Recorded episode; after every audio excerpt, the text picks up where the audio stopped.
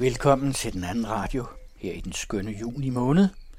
Vi byder på podcasts om den tyske efterkrigstids slagermusik, om landbrug, om litteratur og litterære samtaler, om vin på Mozarts tid og om Bob Dylan og oplæsning af både Stefan Zweig og H.C. Andersen, og så lige om Dannebro, der jo faldt ned fra himlen Valdemarsdag, og det vi kender til historien bag. I Intermezzo har Geomet sat overskriften det aflagte parti, og det kan jo ikke være andet end Dansk Folkeparti. Her på falderæbet med Dansk Folkeparti er dets besnakkende prokurator som sidste formand, inden låget smækker på. DF skabte aldrig noget varigt og skød planmæssigt andres idéer ned. Tankegodset skvulper nu videre i andre partier, men uden DF's tidligere slagkraft. I en menneskealder var England dansk landbrugs vigtigste eksportmarked. Det engelske morgenbord fik leveret smør, æg og bacon fra de danske andelsselskaber via havnen i Esbjerg. I dag er det andre fjernere markeder, der driver eksporten, men England har måske stadig noget at tilbyde Danmark, nemlig inspiration til en ny lov om, hvordan man regulerer køb og salg af landbrugsjord. Hør mere om denne sag i Landbrugsmagasinet i denne uge. Efter muren.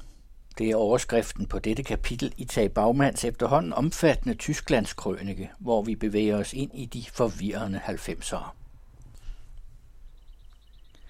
Sofia, Tænketank for Pædagogik og Dannelse, har indbudt mennesker med vidt forskellige baggrunde til samtale om dannelse. Det begreb, som er der er kommet på den politiske og pædagogiske dagsorden, men ofte i en form, der peger i halvdannelsens retning. Et målbart facit, en veldefineret størrelse. I Sofia-samtalerne ønsker vi, udtalt eller udtalt, at pejle den dannelse, som ikke kan gøres til pensum, men som kan anes, når noget i samspillet mellem mennesker lykkes. Det er dette noget, vi leder efter. I denne tiende udsendelse har Sofias Jens Råhauke besøgt børnebogsforfatter og medlem af det Danske Akademi Cecilie Egen for at tale om, hvad læsning af børnelitteratur kan betyde for børns liv og for deres forholden sig til verden. I en digters bazar er H.C. Andersen for alvor nået til bazarernes by, til Istanbul, som dengang hed Konstantinopel, Tyrkiets myldrende hovedstad, som ofte får Andersen til at sammenligne med de store europæiske byer. Og tyrkerne fremtræder så åbne og ærlige, så Andersen bliver ganske charmeret. I sidste uge hørte de om selve bazarerne, hele handelsbyer, opdelt efter de forskellige håndværk. I denne uge skal I blandt andet høre om en anden slags bazar, nemlig slavindemarkedet, og desuden tager Andersen sightseeing ham til de dansende dervishers kloster. Freihaus var på Mozarts tid i Wien en særlig by i byen, en by med særstatus, fri for skatter, med eget apotek og mølle og meget mere, samt et teater, et ganske særligt teater, Teater auf der Wieden. Der huserede teaterdirektør Immanuel Chicaneda. Han var alt mulig mand, skuespiller, sanger, digter, dramatiker, impresario og altså teaterdirektør, og den, der skrev librettoen til Mozarts opera Tryllefløjten, som blev uopført der den 30. september 1791, hvor han også selv sang partiet som Papageno til uopførelsen. Mozart var totalt udmattet. Han havde et par uger tidligere været i Prag til uopførelsen af en anden opera, Titus, som var noget helt andet end Tryllefløjten, nemlig en opera seria. Og kun godt to måneder efter, den 5. december, var han død. Han nåede dog at komponere endnu to uerstattelige værker, nemlig klarinetkoncerten og delvis sit requiem. Theater auf der Wieden eksisterede kun i 14 år, men nåede at opføre ikke færre end 350 stykker. Det er en historie med atmosfære. I Brasilien begyndte Stefan Zweig at skrive sit erindringsværk Verden er i går, der udkom posthumt. For i 1942 begik han og hans kone selvmord under indtryk af nazismens fremmarsch og sammenbruddet af al den gamle civilisationsværdier. Carsten Farov, ja det er jo mig, læser hele bogen her på den anden radio, og han er nået til del 3. Det er erindringen om tiden før verden gik af lave. hvor det østrig-ungarske kejserige var en træ- og ærkereaktionær stat, og man som ung havde indtryk af, at alle bestræbelser i samfundet gik ud på at holde enhver forandring fra døren. 15. juni er kendt som Valdemarsdag. Dagen har fået navn efter slaget i Tallinn i 1219, hvor den danske konge Valdemar Sejr efter sine fik sendt et banner fra himlen som tegn på Guds støtte, da kampen var aller værst for danskerne. Med flaget vendte krigslykken, så kongen og hans krigere endte med at vinde slaget. Siden da har duen med det hvide kors på den røde bund været betragtet som Danmarks nationale symbol. Myten fra Tallinn er bestemt en god historie, men er det sandheden om fremkomsten af Dannebro, eller er der en mere jordnær forklaring på, hvordan vi fik vort flag? Forfatteren H.C. Bjerg mener at kende den virkelige fortælling. I 10 udsendelser tegner filminstruktør og forfatter Christian Brød Thomsen og journalist Erik Kramshøj et portræt af sangeren og sangskriveren Bob Dylan. I 1960'erne således hans protestsange, der var soundtrack til ungdomsoprøret, samt hans elektriske, surrealistiske og syrerealistiske sange, der blev til i forbindelse med stofpåvirkningen. I 1970'erne fandt han hvile i den mere enkle countrymusik, men skrev også smertelige skilsmissesange – og i 1980'erne blev han kristen fundamentalist. Fra midt i 1990'erne udsendte han en række fremragende album, hvor han vedkendte sig sin alder og forberedte sig på døden. Og i det nye år 1000 har han sågar udsendt et album med julesange. I denne uge er det Erik Kramshøj, der fortæller om hans mange facetter og spiller hans musik, også med navne som The Birds, The Turtles, John Bass og Manfred Mann.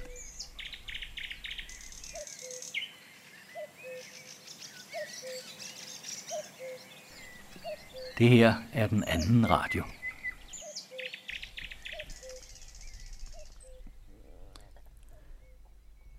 Her er Intermezzo. Der er ikke meget tilbage. En selvdestruktiv, vigende flok, hektisk besnakket af en lommeprokurator i havsnød.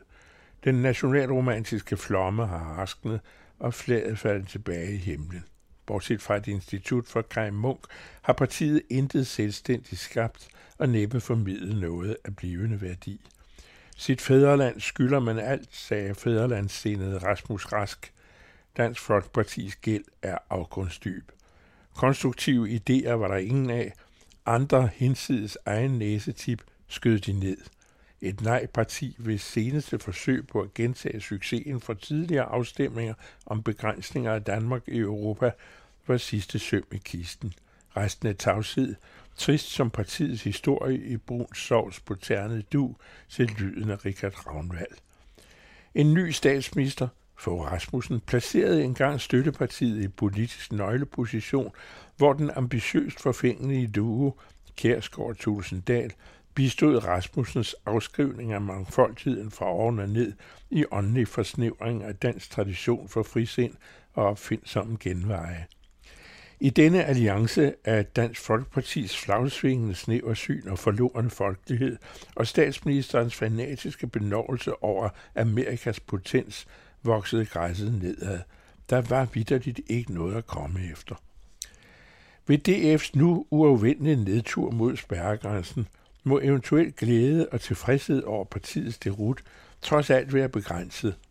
Sympatiserende politikere i folden – og den del af vælgerhavet, som partiet appellerede til, søgte allerede før opgøret mellem Martin Henriksen og Morten Messerschmidt mod udgangen. Da valget af sidstnævnte var sket, og den sært uafklarede skæve mand stod og fægtede med en selvmodsigende blomsterkost, forlod halvdelen af resten af skaren deres parti og smækkede med døren.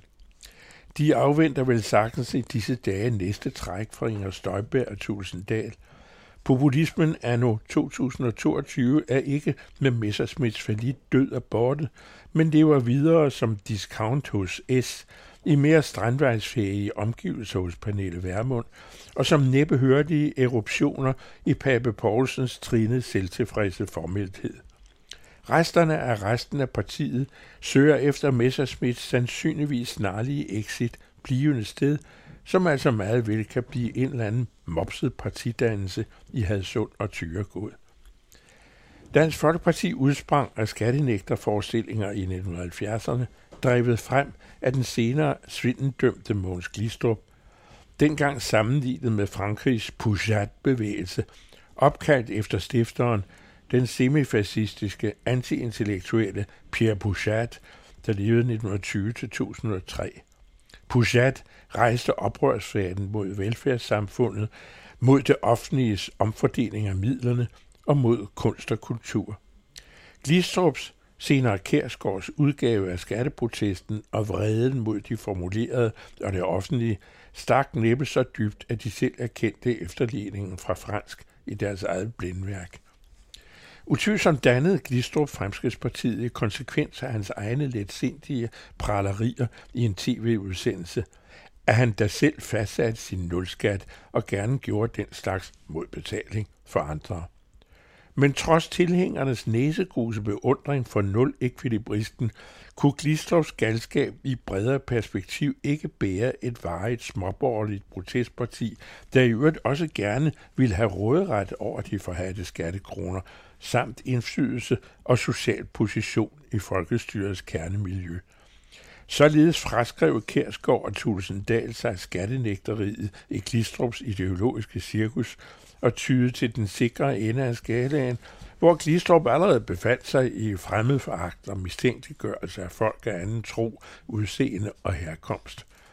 Den sag blev herefter kokkereret op i rødgrød med fløde, gratis rutter og ældresjek. Vælgersuccesen, den udmodsigelige, skyldes nu nok mest, at partiet retorisk fastholdt velfærdsgoderne for de mange, uanset få regeringernes nedskæringer og overdøvende gav mæle til vælgere, der er mere eller mindre rimelige årsager følte sig snydt og holdt udenfor af den elite, som dansk højre debat fik på hjernen, uden at nogen nogensinde forklarede, hvem fanden de talte om.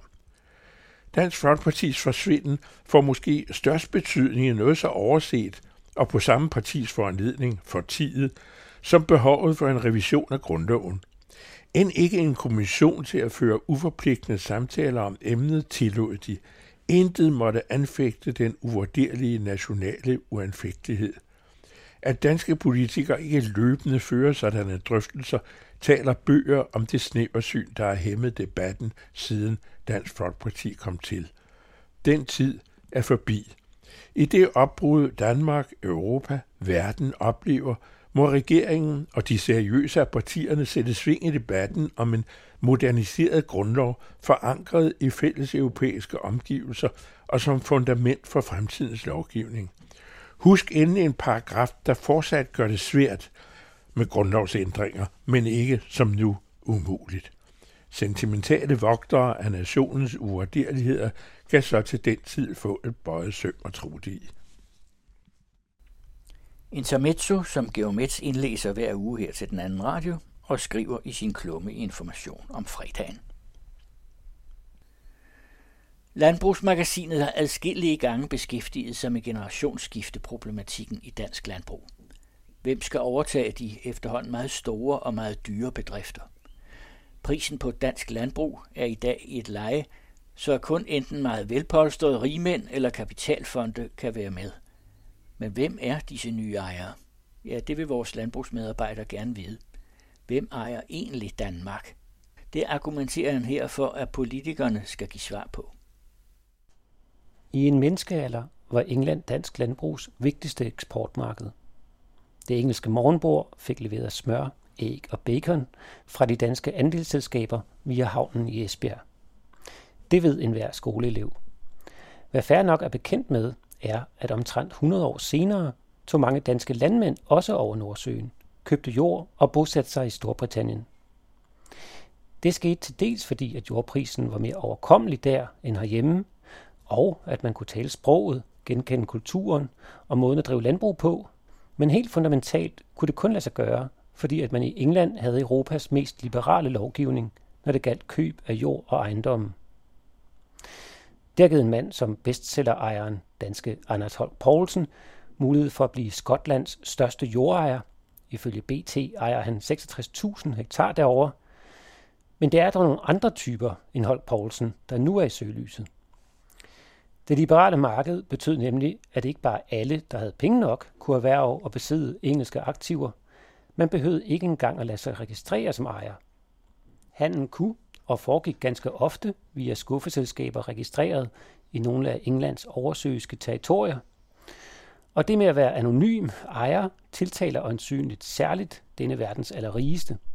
Sheiker fra Mellemøsten, autokrater fra Afrika og russiske oligarker har kanaliseret deres dubiøse formuer ind i alt fra godser og fodboldklubber til ejendomme og jord i England. I midlertid har krigen i Ukraine rettet opmærksomheden i den engelske offentlighed mod denne mere eller mindre gedulte kreds af ejere. Hvem er de? Hvor meget ejer de? Og er det i nationens interesse, at hvem som helst hemmeligt kan købe det, der nu hvor der er krig, regnes for en vigtig strategisk ressource? Selvom der er store pengesummer og dermed også stærke politiske kræfter på spil, har det engelske parlament nu valgt at gøre op med hemmelighedskrammeriet hastebehandlet og vedtaget et lovforslag, der pålægger ejeren, skorstreg investoren, selv at registrere den reelle ejer i et offentligt register.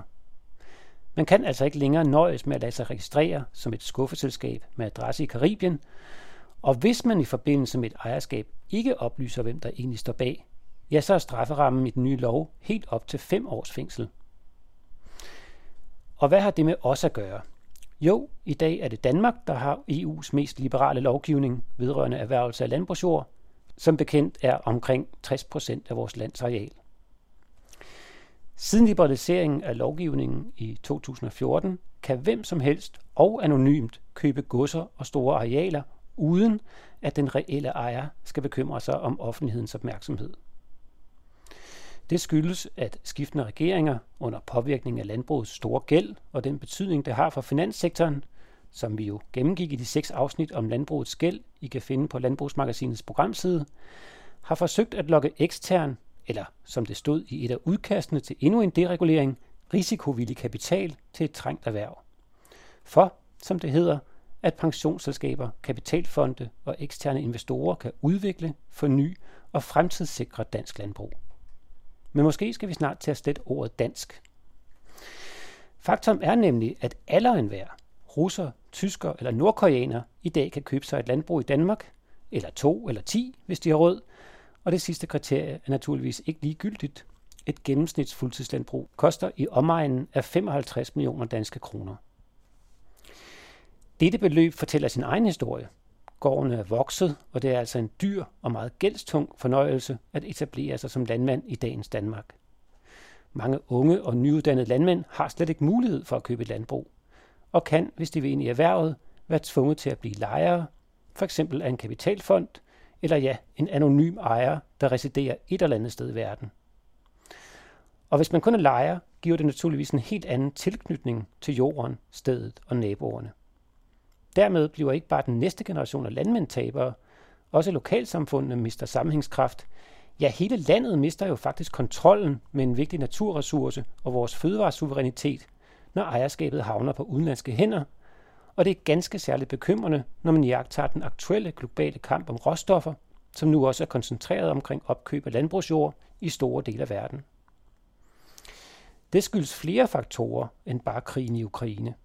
Et af dem er den voksende globale befolkning, men den nok vigtigste årsag er klimaforandringerne, som gør mange lande bekymrede for fremtidens fødevareforsyning. Og det betyder, at rige lande og institutionelle investorer opkøber landbrugsjord primært i den tredje verden, men altså også hos os i Europa, enten som strategisk investering og eller for at sikre fødevarer til sin egen befolkning.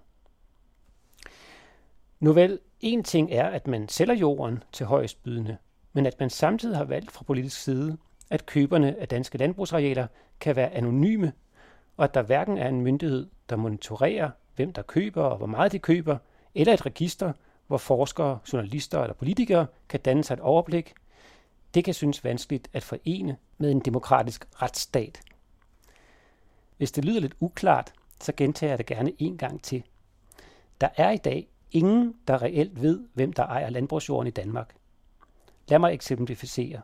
Under en forespørgselsdebat i Folketinget rejste enhedslisten om netop dette emne, svarede Miljø- og Fødevareministeren kort, og jeg citerer, Miljø- og Fødevareministeriet kender ikke omfanget af udenlandske investorers opkøb af danske landbrug og ved ikke, hvem der står bag de investeringer, der finder sted. Citat slut. I april 2020 foretog Danmarks Statistik på baggrund af en bestilling fra den dengang nye fødevareminister Mogens Jensen en vurdering af omfanget af udenlandsk ejerskab. Her er det vigtigt at vide, at Danmarks Statistik opererer med tal fra 2018, og at de selv skriver i en fodnote, at dette er et skøn, da man ikke har de nødvendige data til at give et præcist billede. Danmarks Statistik vurderede imidlertid, at udlændinge har købt eller har fuldt ejerskab til 2,5 procent af det danske landbrugsareal, svarende til 66.000 hektar. Det er ikke bekymrende, mente ministeren og fødevareordførende dengang, og det gav ikke anledning til, at man beskæftigede sig nærmere med spørgsmålet om, hvem der ejer Danmark. Næste kapitel i denne historie kommer så i foråret 2021.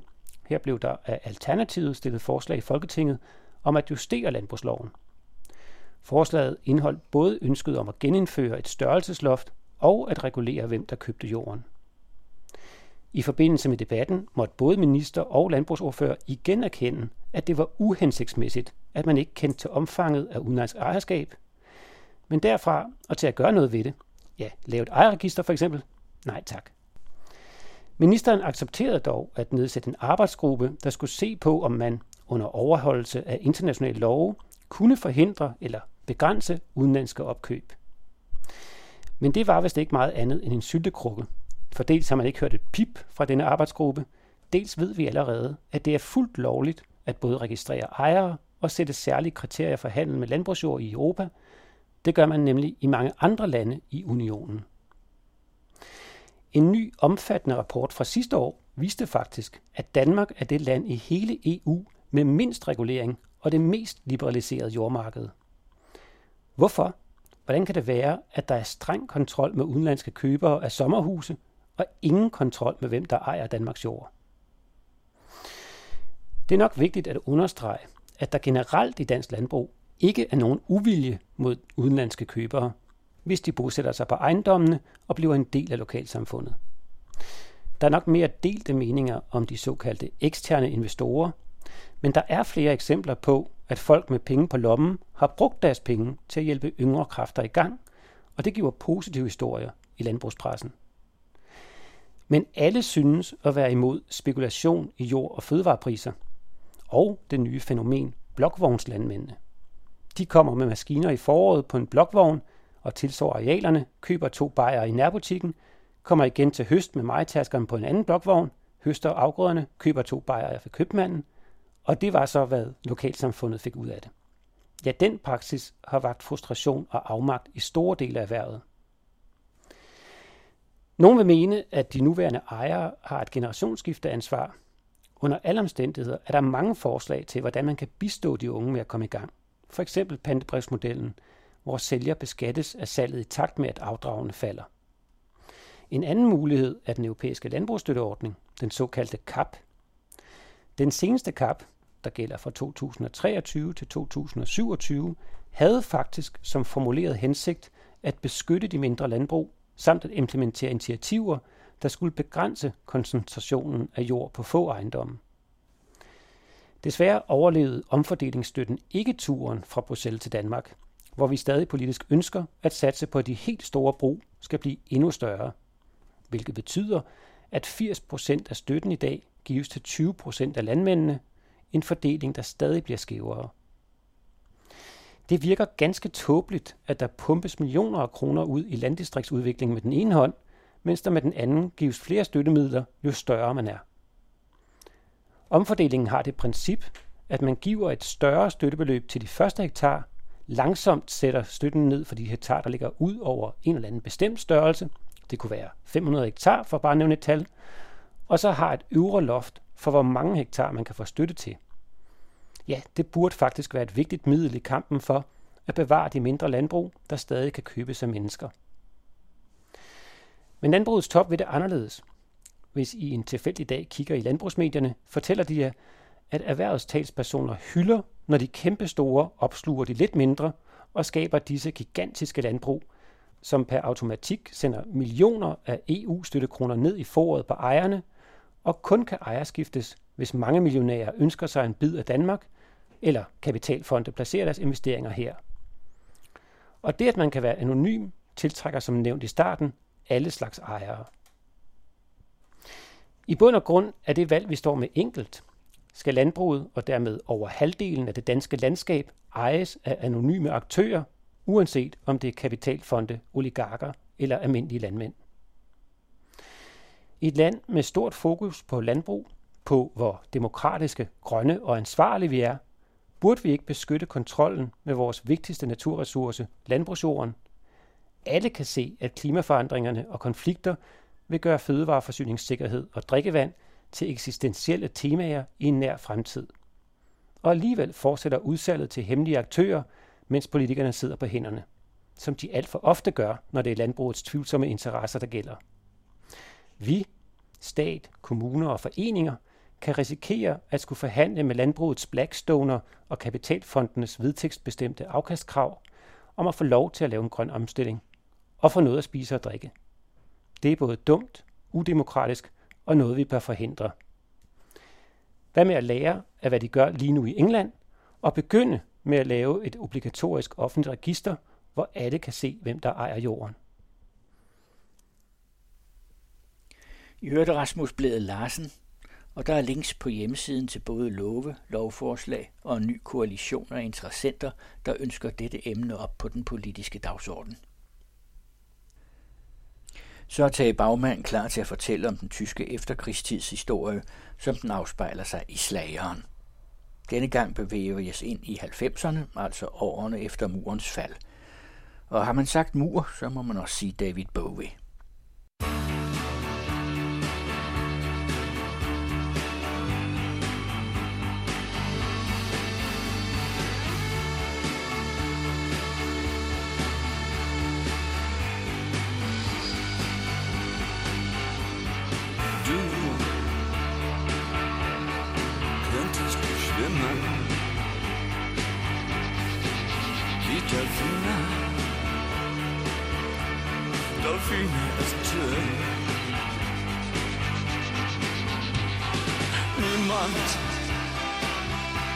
Gibt uns eine Chance. Doch können wir sie dann für immer und immer. Und wir sind dann Helden einen Så går det jo stærkt efter den 9. november. Jeg sad i, i morges, der sad jeg og repeterede den historie fra 9. november og et år frem altså Vesttyskland er jo ikke et land som sådan. Det er jo for eksempel et af de ting, der lige pludselig skal løses. Ikke? Der sidder jo fire nationer på det. Altså Tyskland er ikke Tyskland.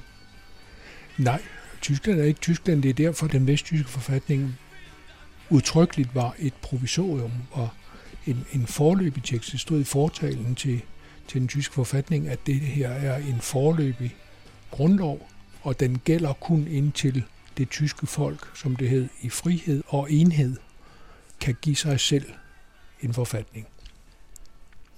Vesttyskland anerkendte aldrig folkeretligt det der. Det var der øh, ikke ret mange andre lande, der gjorde. Man arrangerede sig, som i Danmark, hvor vi sagde, jamen, øh, okay, vi er jo nødt til at have et eller andet samkvem med det der, den kommunistiske del af Tyskland, men, men vi kan ikke anerkende staten. Øh, så de kan ikke få lov til at bygge en ambassade i København, de kan få lov til at lave et handelskammer. Og de kan få lov til at lave en, en trafikrepræsentation. Øh, og det udviklede sig så ganske langsomt, men den sidste bid af en folkeretlig anerkendelse af det, den nåede vi aldrig frem til. Nemlig at anerkende det østtyske statsborgerskab. Det blev aldrig anerkendt af Danmark. Og det var et signal om, at vi stadigvæk mente, at DDR i virkeligheden var den sovjetiske besættelseszone, som var blevet resultatet af 2. verdenskrig, og at der var ikke noget folkeretligt grundlag for at anerkende den statsdannelse, som DDR var fremgået af. Så det er først med genforeningen, at vi i virkeligheden har, har anerkendt hele, hele det område, som blev Tyskland.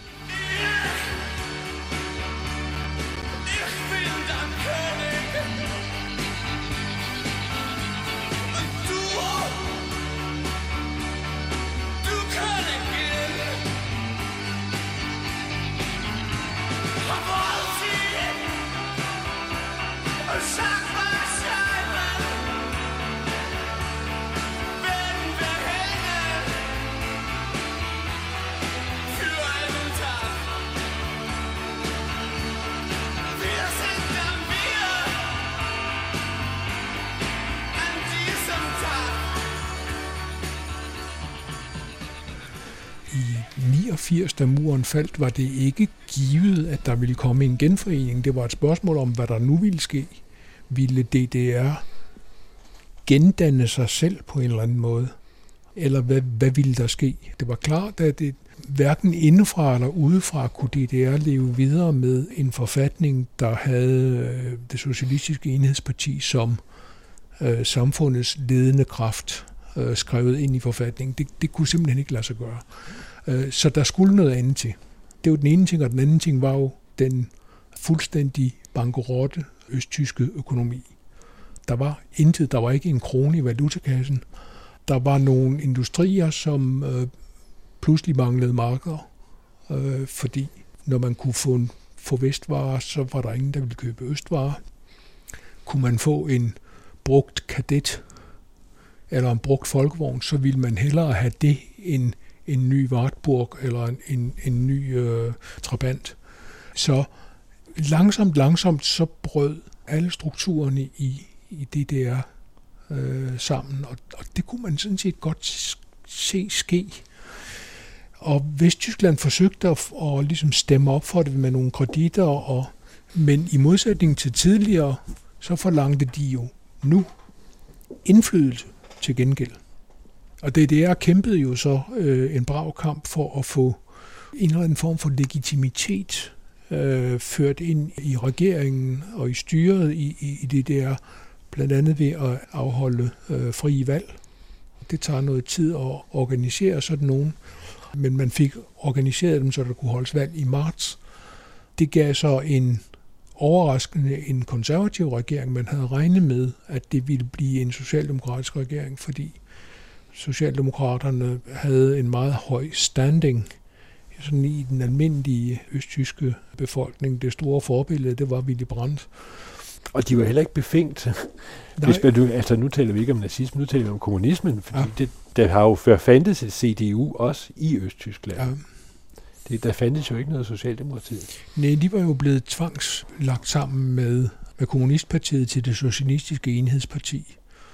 Det var de to øh, ledere af de to partier, Wilhelm Pieck og Otto Grotewohl, som gav hinanden hånden på, at de skulle arbejde sammen.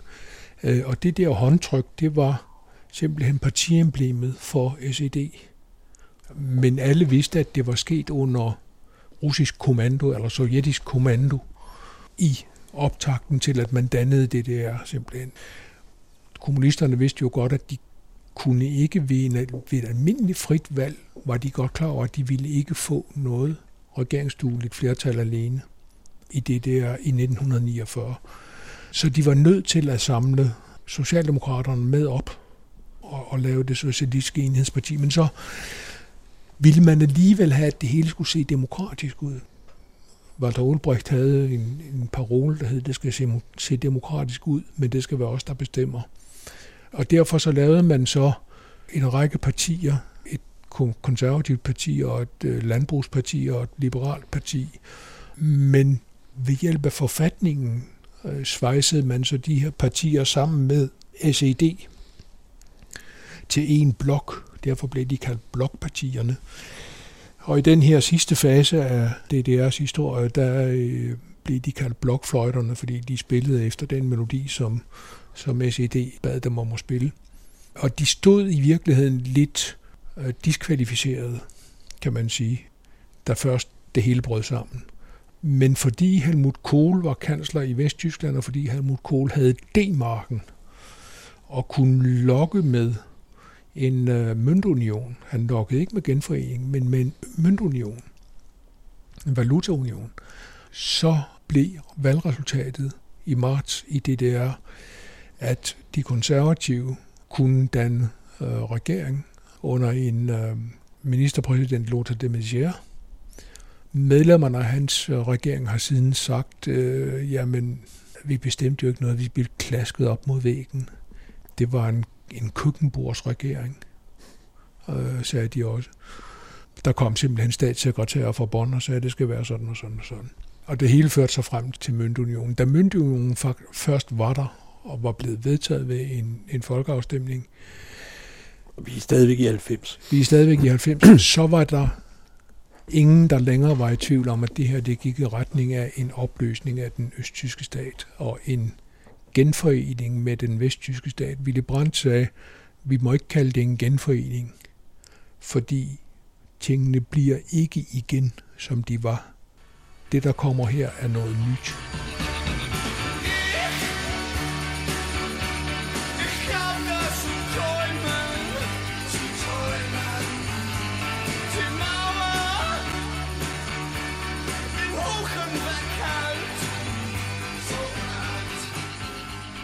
Og Helmut Schmidt sagde, at alle, det sagde han senere, alle var imod en genforening, lige fra København til Rom. Mange var. De er glemt i dag. altså Helmut Kohl øh, og hans øh, udenrigsminister, Hans Dietrich Genscher, manøvrerede meget, meget lige præcis i, i, i det her øh, farvand. Helmut Kohl fik først beroliget polakkerne og franskmændene, fordi det skulle til. Det vidste han skulle til. Og så fik man jo etableret det, der i hele verden hedder 4 plus 2 forhandlingerne. Men i Tyskland hedder 2 plus 4 forhandlingerne fordi de to, det er de to Tyskland, øh, og de fire, det er sejrsmagterne fra 2. verdenskrig, altså øh, USA, Sovjetunionen, Storbritannien, Frankrig. Man fik etableret de der forhandlinger, som så var dem, der fandt nogle formler, der gjorde, at det var muligt at gennemføre genforeningen, eller en forening. Tyskerne kalder jo det jo selv de Deutsche Einheit, mere end de taler om øh, Wiedervereinigung, så taler de om Deutsche Einheit for at markere dels, at, øh, at her skete der noget nyt, dels at det jo ikke var hele det gamle Tyskland, der blev forenet her, fordi de områder, de havde mistet i Pommern og i Schlesien, i øh, Sudeterlandet og i Østpreussen, de kom jo ikke tilbage til Tyskland. Königsberg. Königsberg endte som Kaliningrad, og som en af vores store hovedpiner, øh, fordi øh, på de der 225 kvadratkilometer, der har øh, Sovjetunionen sin største Østersøflådebase, og langsomt har de også bygget den op til at være en voldsom raketbase. Og alt det spiller med ind, når vi øh, i de her dage taler om Ukraine-kriser osv. Og det spiller også, men jeg synes, jeg også kan tage, altså det, for igen at forstå, hvor mærkeligt det var, så rykker NATO-grænsen jo med den genforening. Altså, øh, i, Det er fire, meget, de gav lov til det. i 4 plus 2 forhandlingerne, der blev der sådan, som jeg har forstået det, og jeg har talt med mange, der var i nærheden af eller tæt på, så blev der faktisk givet nogle tilsavn om, at man ikke ville skubbe NATO-strukturer frem mod den polske grænse. Mm-hmm.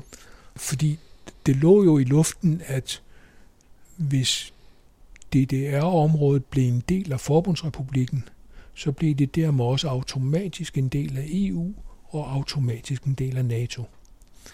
Og øh, Sovjetunionen, som jo stadigvæk eksisterede på det her tidspunkt, var forståeligt nok øh, lidt betænkelig ved, at man pludselig kunne skubbe raketbatterier og flyvebaser osv. frem mod Polens grænse. Altså Bufferzonen blev mindre. halvanden hundrede kilometer tættere på gør en forskel. Øh, Og der blev givet nogle tilsavn. Og man kunne også se i de første år efter genforeningen, at NATO holdt sig helt tilbage.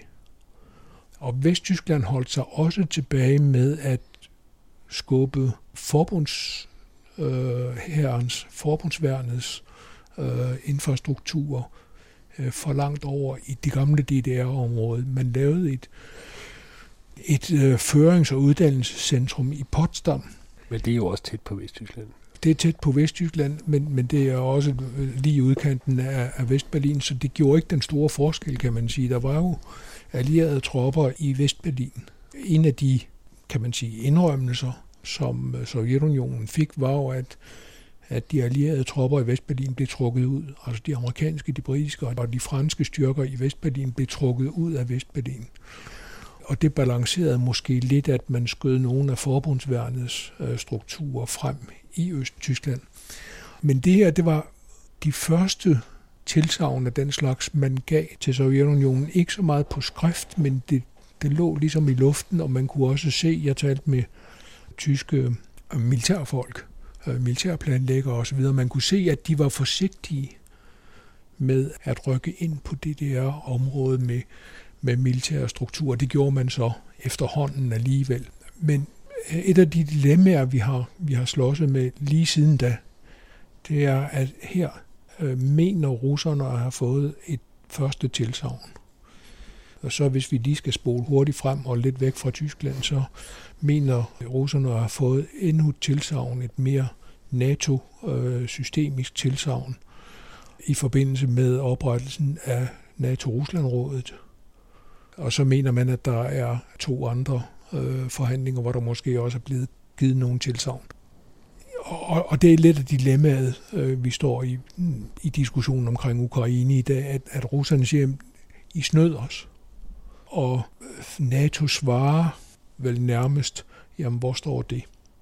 Og så er vi ligesom lige langt, men nu er vi kommet... Men det er vel også bare et eksempel blandt mange, med, igen med den hastighed, ikke? Altså det er yngre mennesker, de kan ikke forstå det, som ikke er til at forstå. Jeg kan huske, min vejleder sagde, at det tager tid at vende sig til at miste overblikket. Ja, Og det ved vi ikke rigtig helt, om vi har den dag i dag sådan Nej, helt har fået.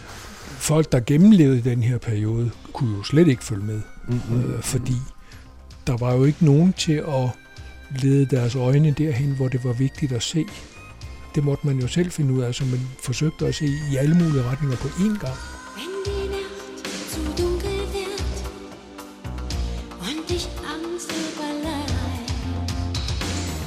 Wenn sich mein Gefühl verirrt und die Welt schließt mich ein, dann weiß ich, dich gibt es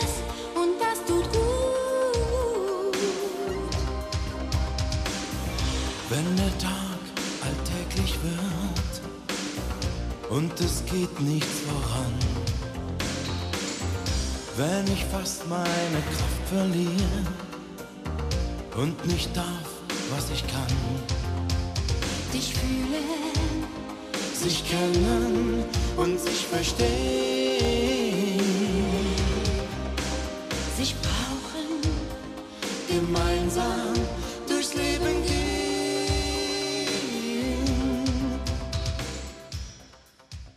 Det, der skete, var for østtyskerne, øh, er måske bedst beskrevet af øh, en af popsangerne, nemlig Frank Schöbel.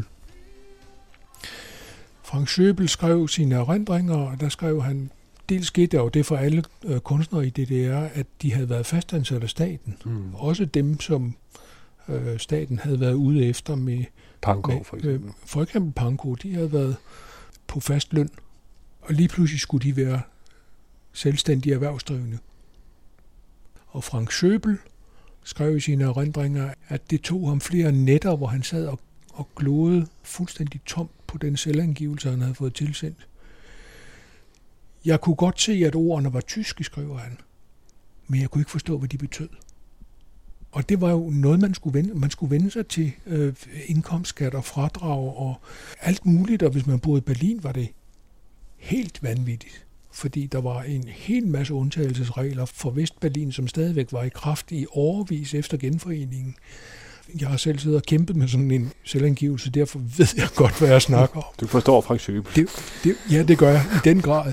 Øh, og han sagde den, til sidst, så tudede jeg bare. Og han sammenligner det også med at blive dumpet lige midt ned i et spil, hvor man godt ved, at man skal spille.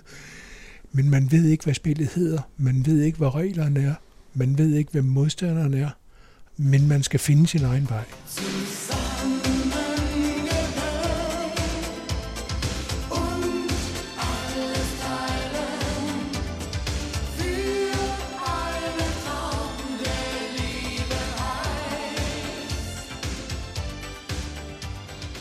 det løfte, der havde været om, at her smeltede noget sammen, som måske blev til noget tredje. Ikke det vesttyske, den vesttyske markedsøkonomi, og ikke den østtyske dirigerede økonomi, ikke den vesttyske øh, samfundsmodel, ikke den østtyske samfundsmodel, men noget, der måske kunne smelte sammen og mødes et eller andet sted på midten med nogle dele af det vesttyske, nogle dele af det østtyske, og så noget andet, som man ikke rigtig havde fået beskrevet, men noget, man var fælles om at bygge op. Man kaldte det for Drittenvæg. Man kaldte det øh, den tredje vej. Øh, det er rigtigt. Det skete bare aldrig. Det, der skete, var, at det blev en fuld integrering af DDR i Vesttyskland. Mm. Man valgte simpelthen, i stedet for en forening af de to stater, så valgte man at dele DDR op i nogle delstater, og hver af de delstater blev så meldt ind i den tyske forbundsstat. De nøje bundeslænder. Ja. Folk som Günther Grass og andre var vildt rasende over, at man fra vesttysk side løb fra løftet om, at man skulle forsøge at lave en fælles ny forfatning, der kunne beskrive øh, livsforholdene i dette nye konglomerat, som man håbede øh, ville indebære dele af begge øh, sider. Det, det bedste fra begge, om jeg så må sige. Og det var man også for Østtyskland til Christa Wolf, kan jeg huske. Hun, da muren falder, der tager hun hjem og skænker sig en stor snap, så det var vel at mærke ikke for at fejre. Det var fordi hun vidste, at nu, ja. nu forsvinder den mulighed for noget tredje. Ja.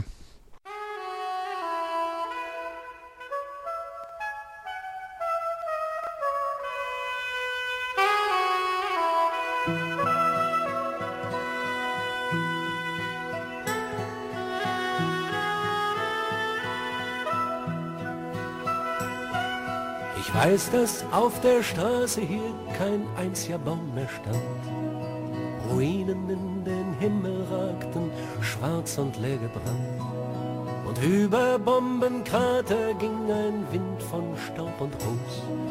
Ich stolperte in Schuhen, viel zu groß für meinen Fuß, neben meiner Mutter her, die Feldmütze über den Ohren.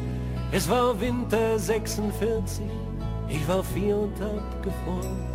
Über Trümmerfelder und durch Wälder von verglühtem Stahl. Und wenn ich heute die Augen schließe, sehe ich alles noch einmal. Das war mein Berlin, mein Berlin, mein Berlin.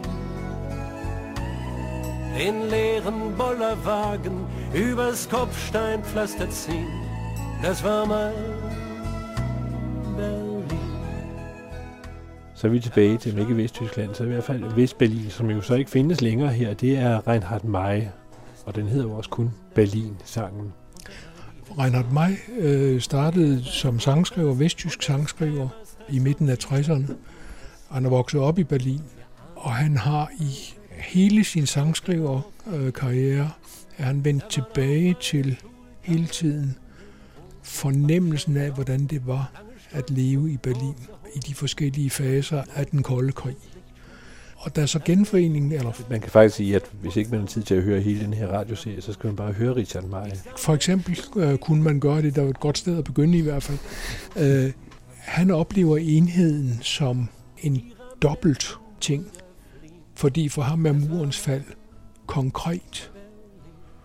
Øh, han har levet med den mur, og, og nu hvor enheden er kommet, så laver han den her sang, hvor han ligesom gør status på sit eget liv.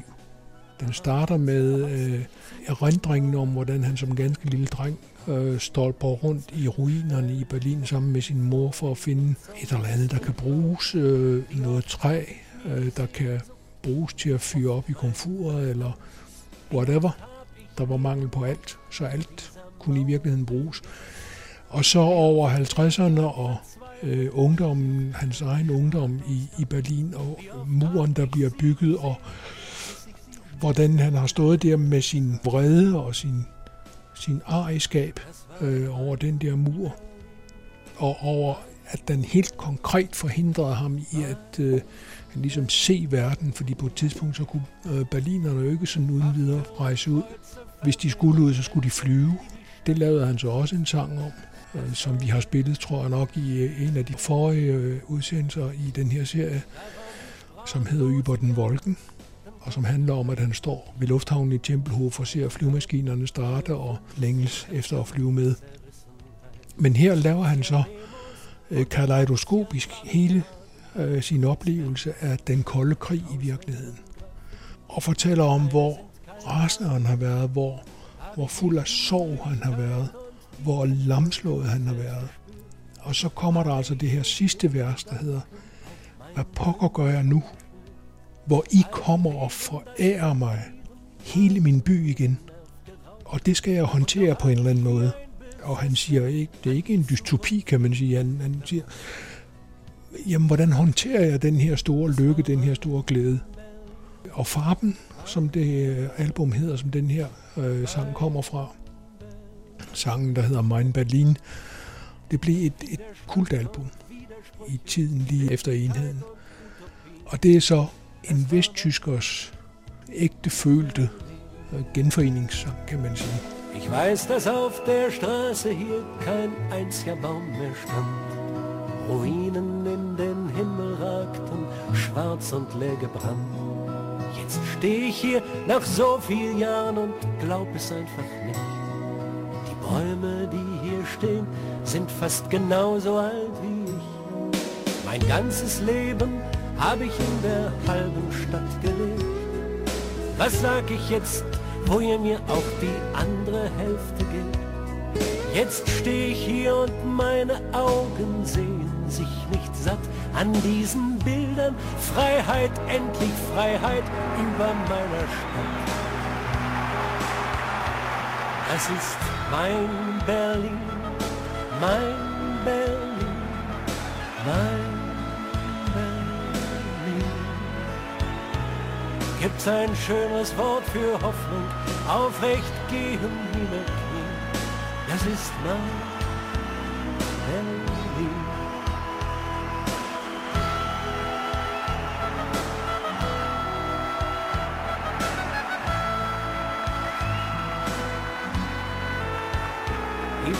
schöneres Wort für Hoffnung, aufrecht gehen, nie mehr knien. Es ist mein Berlin.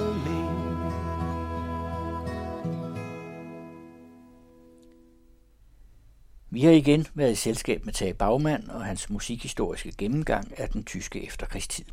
Serien er en Søren E. Jensen og Jytte Nordholt produktion.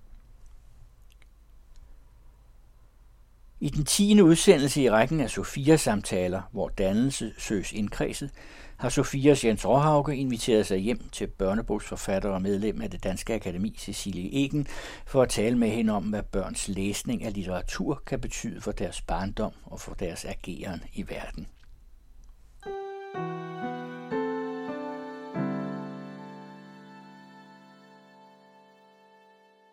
Vi er landet i et utroligt hyggeligt laboratorium her, hvor børnebogsforfatteren Cecilie Egen plejer at sidde og skrive sine bøger. Og vi er blevet inviteret indenfor, fordi vi skal have en samtale om børnelitteratur og dannelse. Cecilie skriver jo magiske bøger, og hun er den eneste børnebogsforfatter, der er medlem af det Danske Akademi. Og det er ganske velfortjent fordi hun har altså et sprog, der er så skønt. Og hun bruger det på magi, men også på en særlig form for, for magi, kan man sige. Hun har lige været indstillet til Weekendavisens litteraturpris for øh, en af sine blomsterbøger, Natblomst. Men før den blev hun indstillet til øh, Nordisk Rådspris for en øh, trilogi, Karana-galaksen.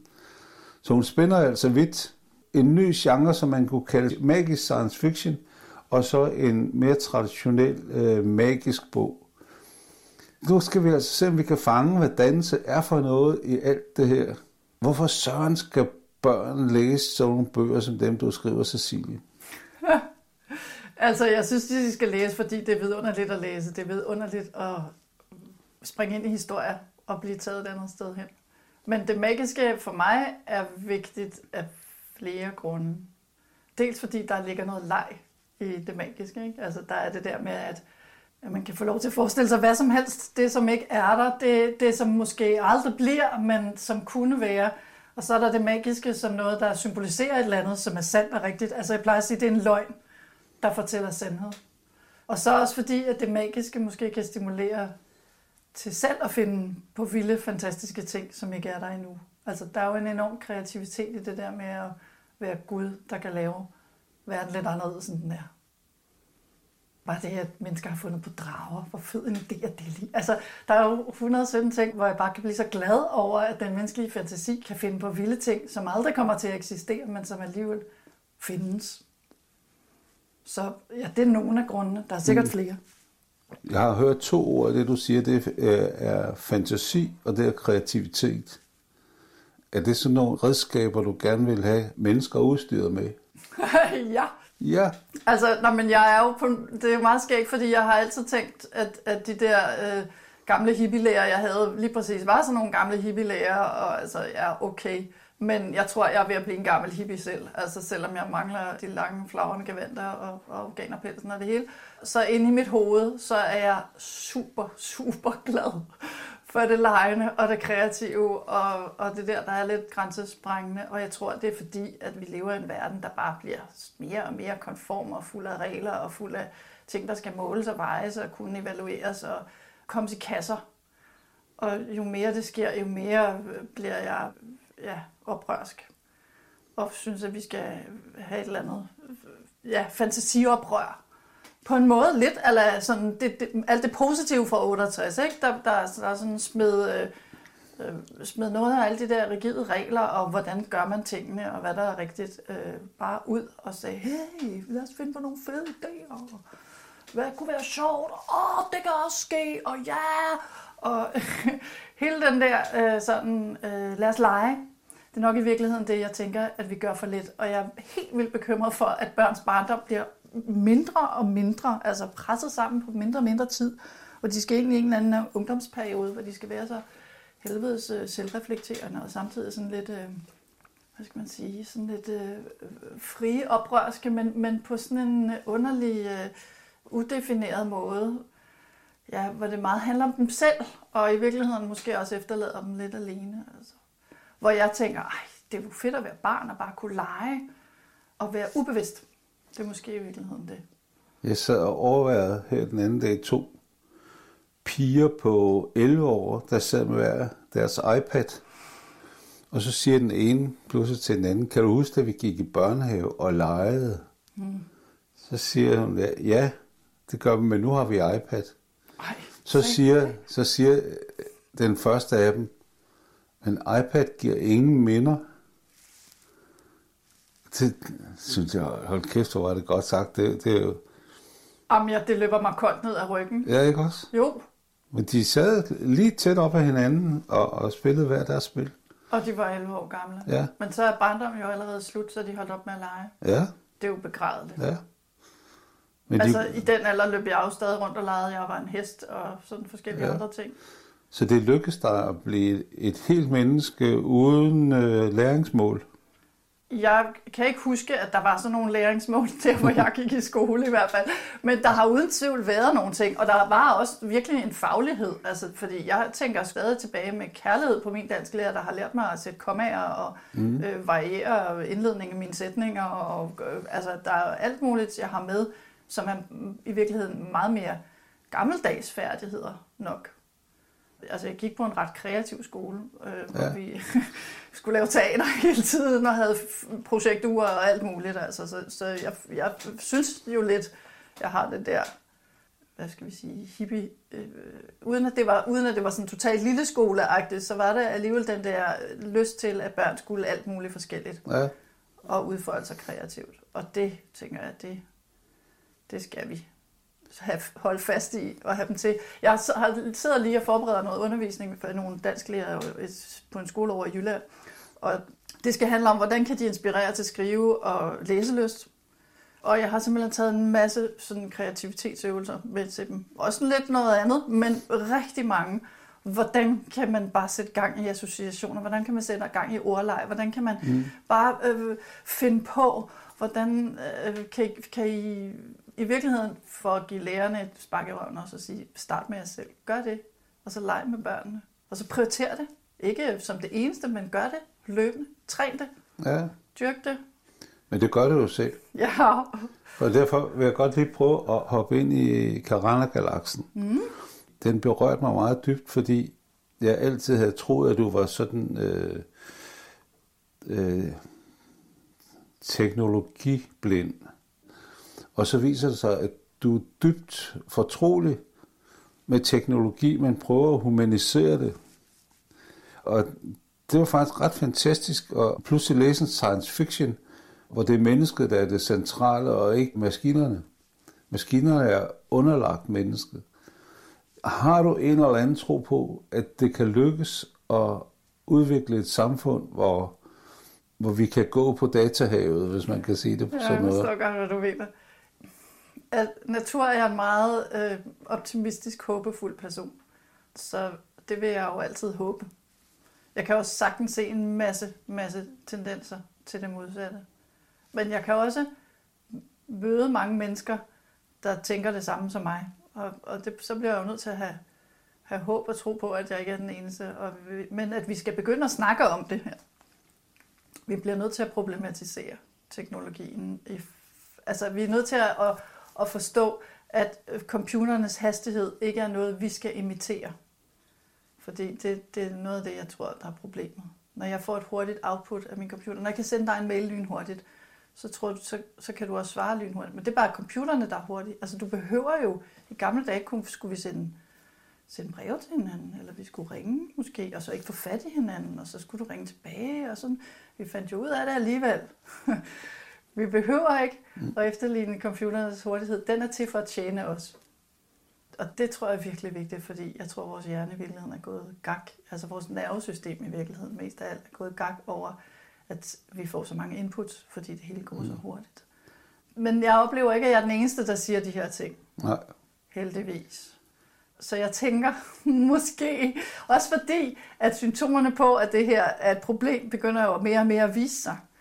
Øhm, altså, der der er så mange unge, der er i mistrivsel. Der er så mange mennesker i, for, i arbejdslivet, der går ned med stress. Der er så mange ting, der peger på, at hvad ved jeg, at den tilværelse, jeg jo er så privilegeret at have, hvor jeg selv styrer mit arbejdsliv, og hvor jeg kan stoppe, øh, når jeg er træt og udmattet, hvor jeg kan, kan rokere rundt, hvor jeg kan tage en fridag, hvor jeg kan alt muligt, at det, det er noget af det, der gør mig lykkelig.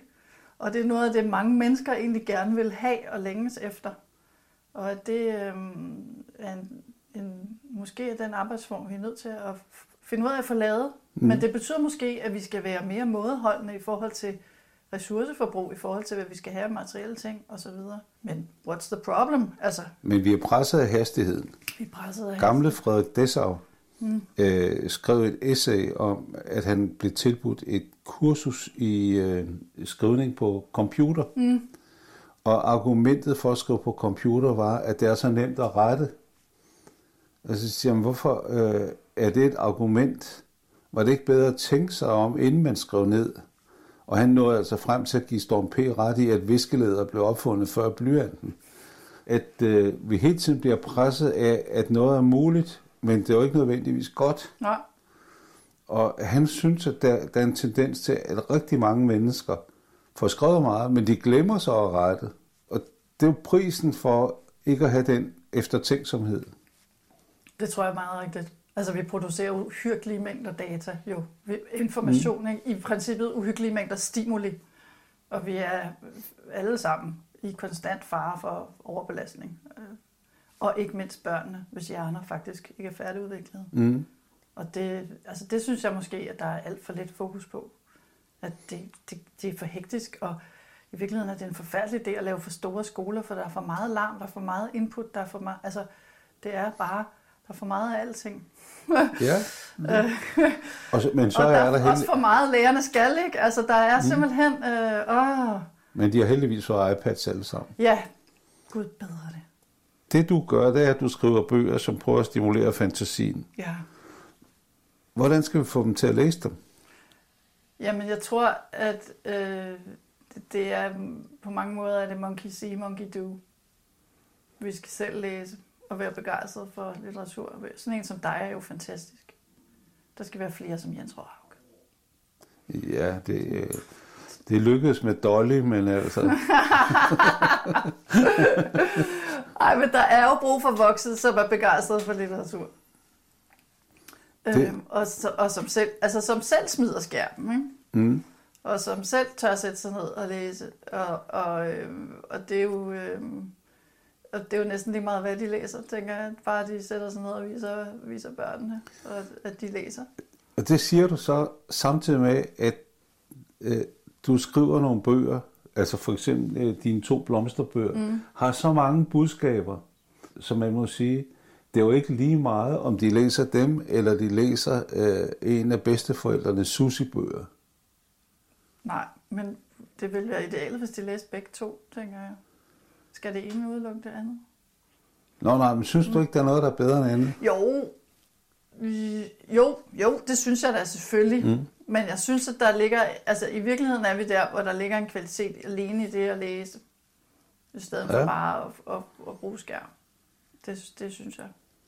Jo.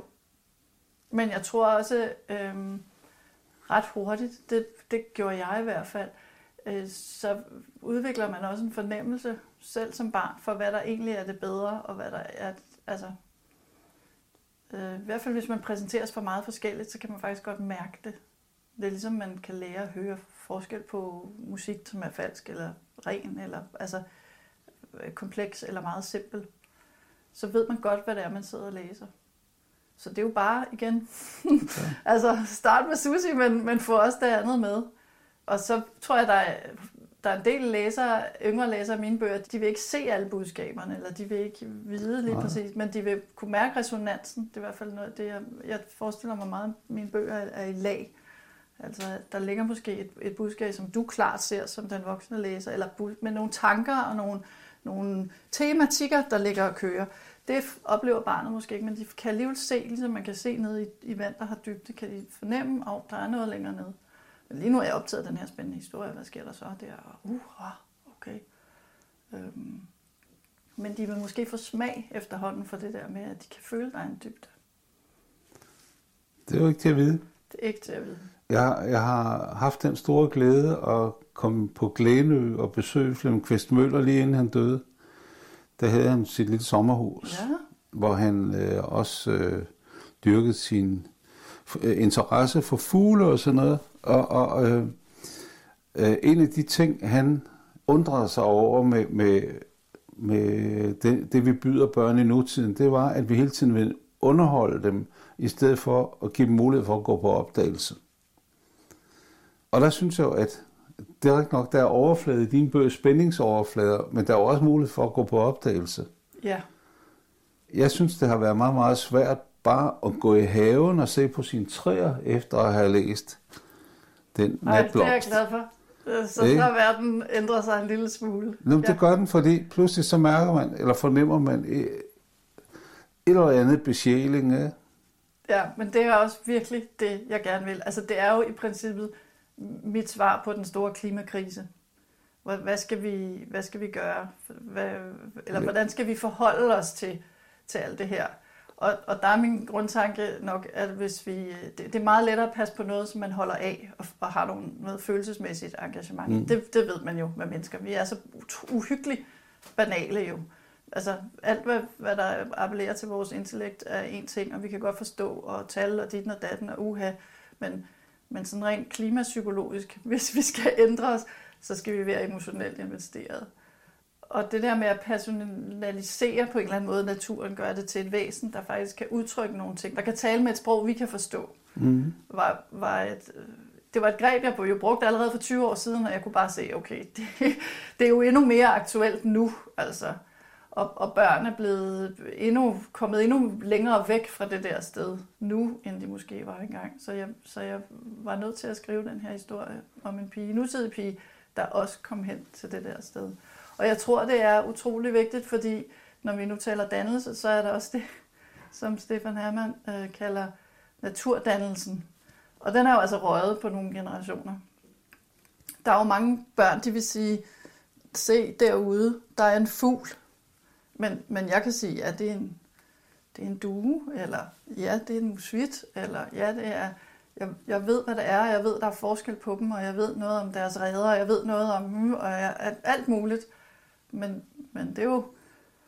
Ja, det er jo bare noget, jeg har samlet op hen ad vejen. Det er ikke noget, jeg har ikke nogen erindring om, at jeg har siddet mm. og studeret det og sådan noget. Det er noget, jeg ved, fordi jeg har noget, noget dannelse om, om verden omkring mig, men det er der utrolig mange børn, der ikke har.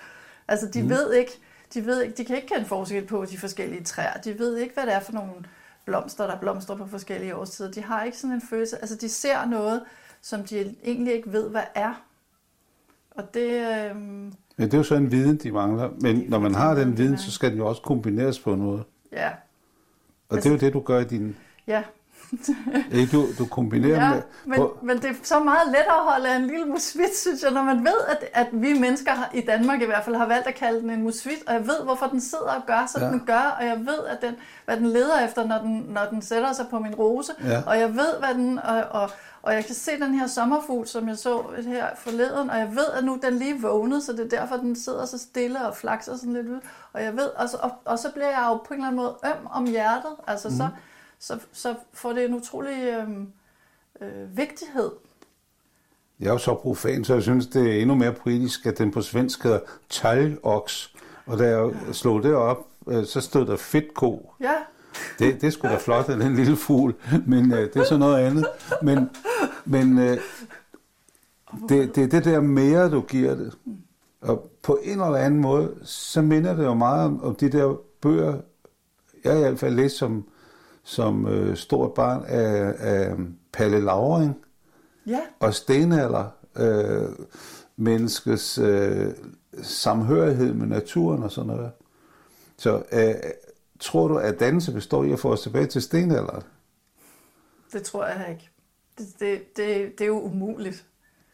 Altså, medmindre vi selv sørger for det, kan man sige. En Nå, eller ja, anden det- det- absurd katastrofe, eller sådan, Ja, who ja. knows. Altså, det, man, men, men, men nej, men der er måske noget viden Mm. omkring det med at være i verden, som, som, vi, som tilhører stenaldermennesket, som vi faktisk har brug for, og som vi, vi er kommet så langt væk fra, så, så vi faktisk er ved at blive syge af det, og vi er ved at blive syge, psykisk syge. Altså vi er syge i sjælen mm. på en eller anden måde af det. Altså vi, vores nervesystem, det er jo helt, vi er jo helt dybt nede i kroppen. Altså på en eller anden måde mangler vi måske i dag kropsdannelse.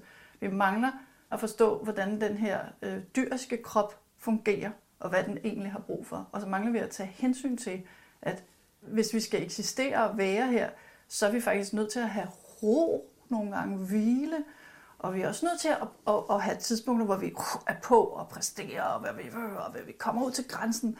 Men, men, men den der konstante, for hurtigt, det der konstante flow af, af ting, ting, ting, ting, ting, ting, informationer. Da, da, da, da, da, da, da. Det, det kan vi ikke tåle. Simpelthen. Vi, vi bryder sammen. Og hvad er meningen med at lave en tilværelse, hvor, hvor, hvor vi skal det? Altså, bare for at få flere ting. Altså for, for at udnytte en masse ressourcer fra en planet, som også begynder at råbe og sige, at det kan den ikke klare.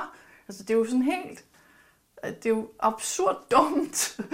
altså jeg kan tænke, der er der nærmest ikke noget andet dyr på planeten, der vil opføre sig så dumt, som vi, øh, vi gør. Fordi vi på en eller anden plan prøver at bevæge os væk fra vores krop, som vi samtidig er mega optaget af, jo, og hvordan den ser ud, og, hvad den nu, og vi vil også helt vildt gerne holde den i live, øh, også længere, end den måske egentlig kan, og så videre. Altså, der er også nogle øh, mangel på proportioner på et eller andet plan. Vil det ikke sige, at når nu folk har hørt det, vi har siddet og snakket om, så opfordrer vi dem til at bare lige tage en vegetativ time. Og det lyder vidunderligt. Ja, Ja, det gad jeg godt. det gør vi. Altså især nu, hvor solen skinner, ja. Og det er varmt, og man kunne... Jeg er jo så heldig, så jeg har en Ja. have, det ved Ja. jeg godt ikke alle er, men jeg kunne jo bare sidde og ja. kigge på, på, hvad der sker, og måske flytte en lille kvist et eller andet sted, Godt. eller ja, Gå ud og slap af. gå ud og slappe af, gå Ja. ud og trække vejret.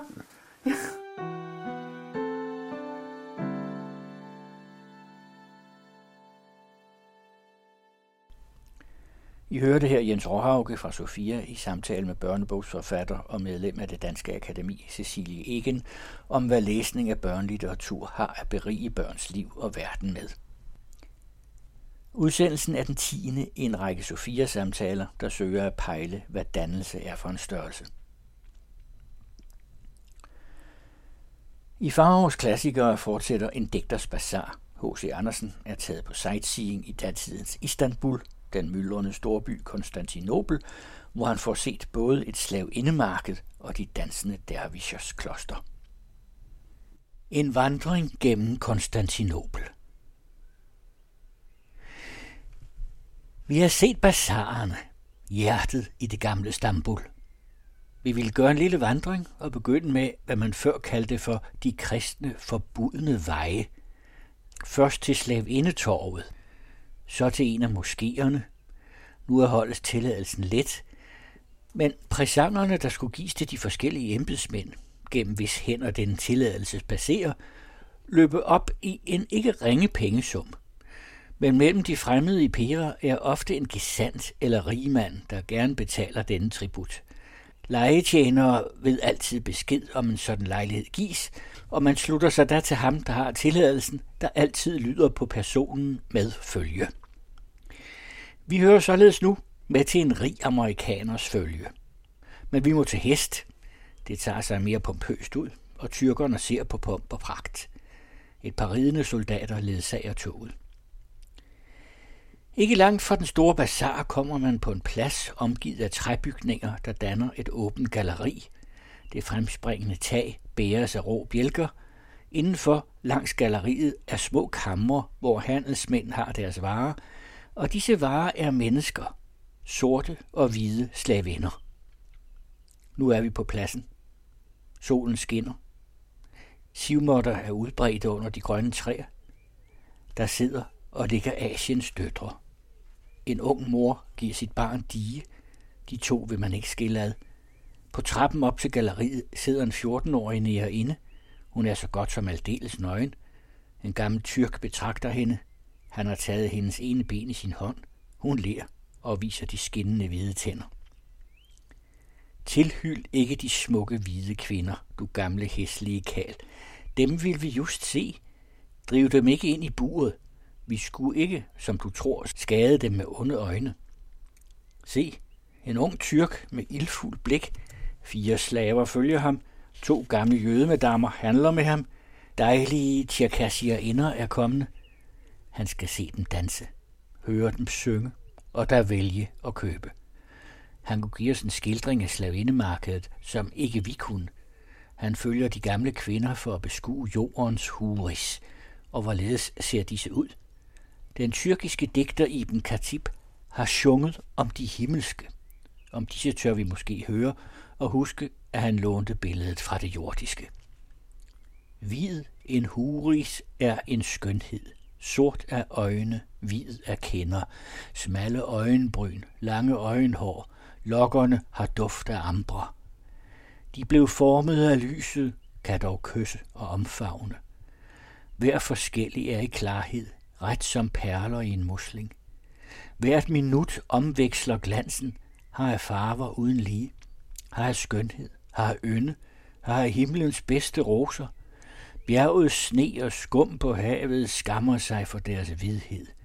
Ingen jordisk frugt og rose ligner disses mund og kinder. Hvad er perler og juveler imod fodens støv af moskus? Nogle mørke, andre lyse som to arter af rubiner – denne giver korte blik kun, hin i lange drag dem sender.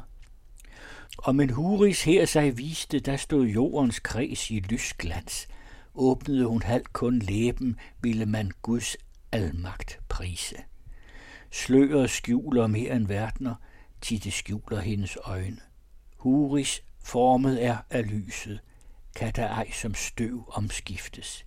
Altid unge, altid men vi gør nok bedst i at ride fra Ibn Khatib og Konstantinopels slavindemarked. Vi holder ved Sofiekirken. Det er en tung, uregelmæssig bygning. Konstantin den Store lod den bygge og indvige den hellige visdom. Aya Sofia. Sælsomme relikvier gemtes her. Den samaritanske brønd. Tre døre beslagne med brædder fra Noahs ark – Stenenglenes trompeter sagde at være brugt ved Jerikos belejring.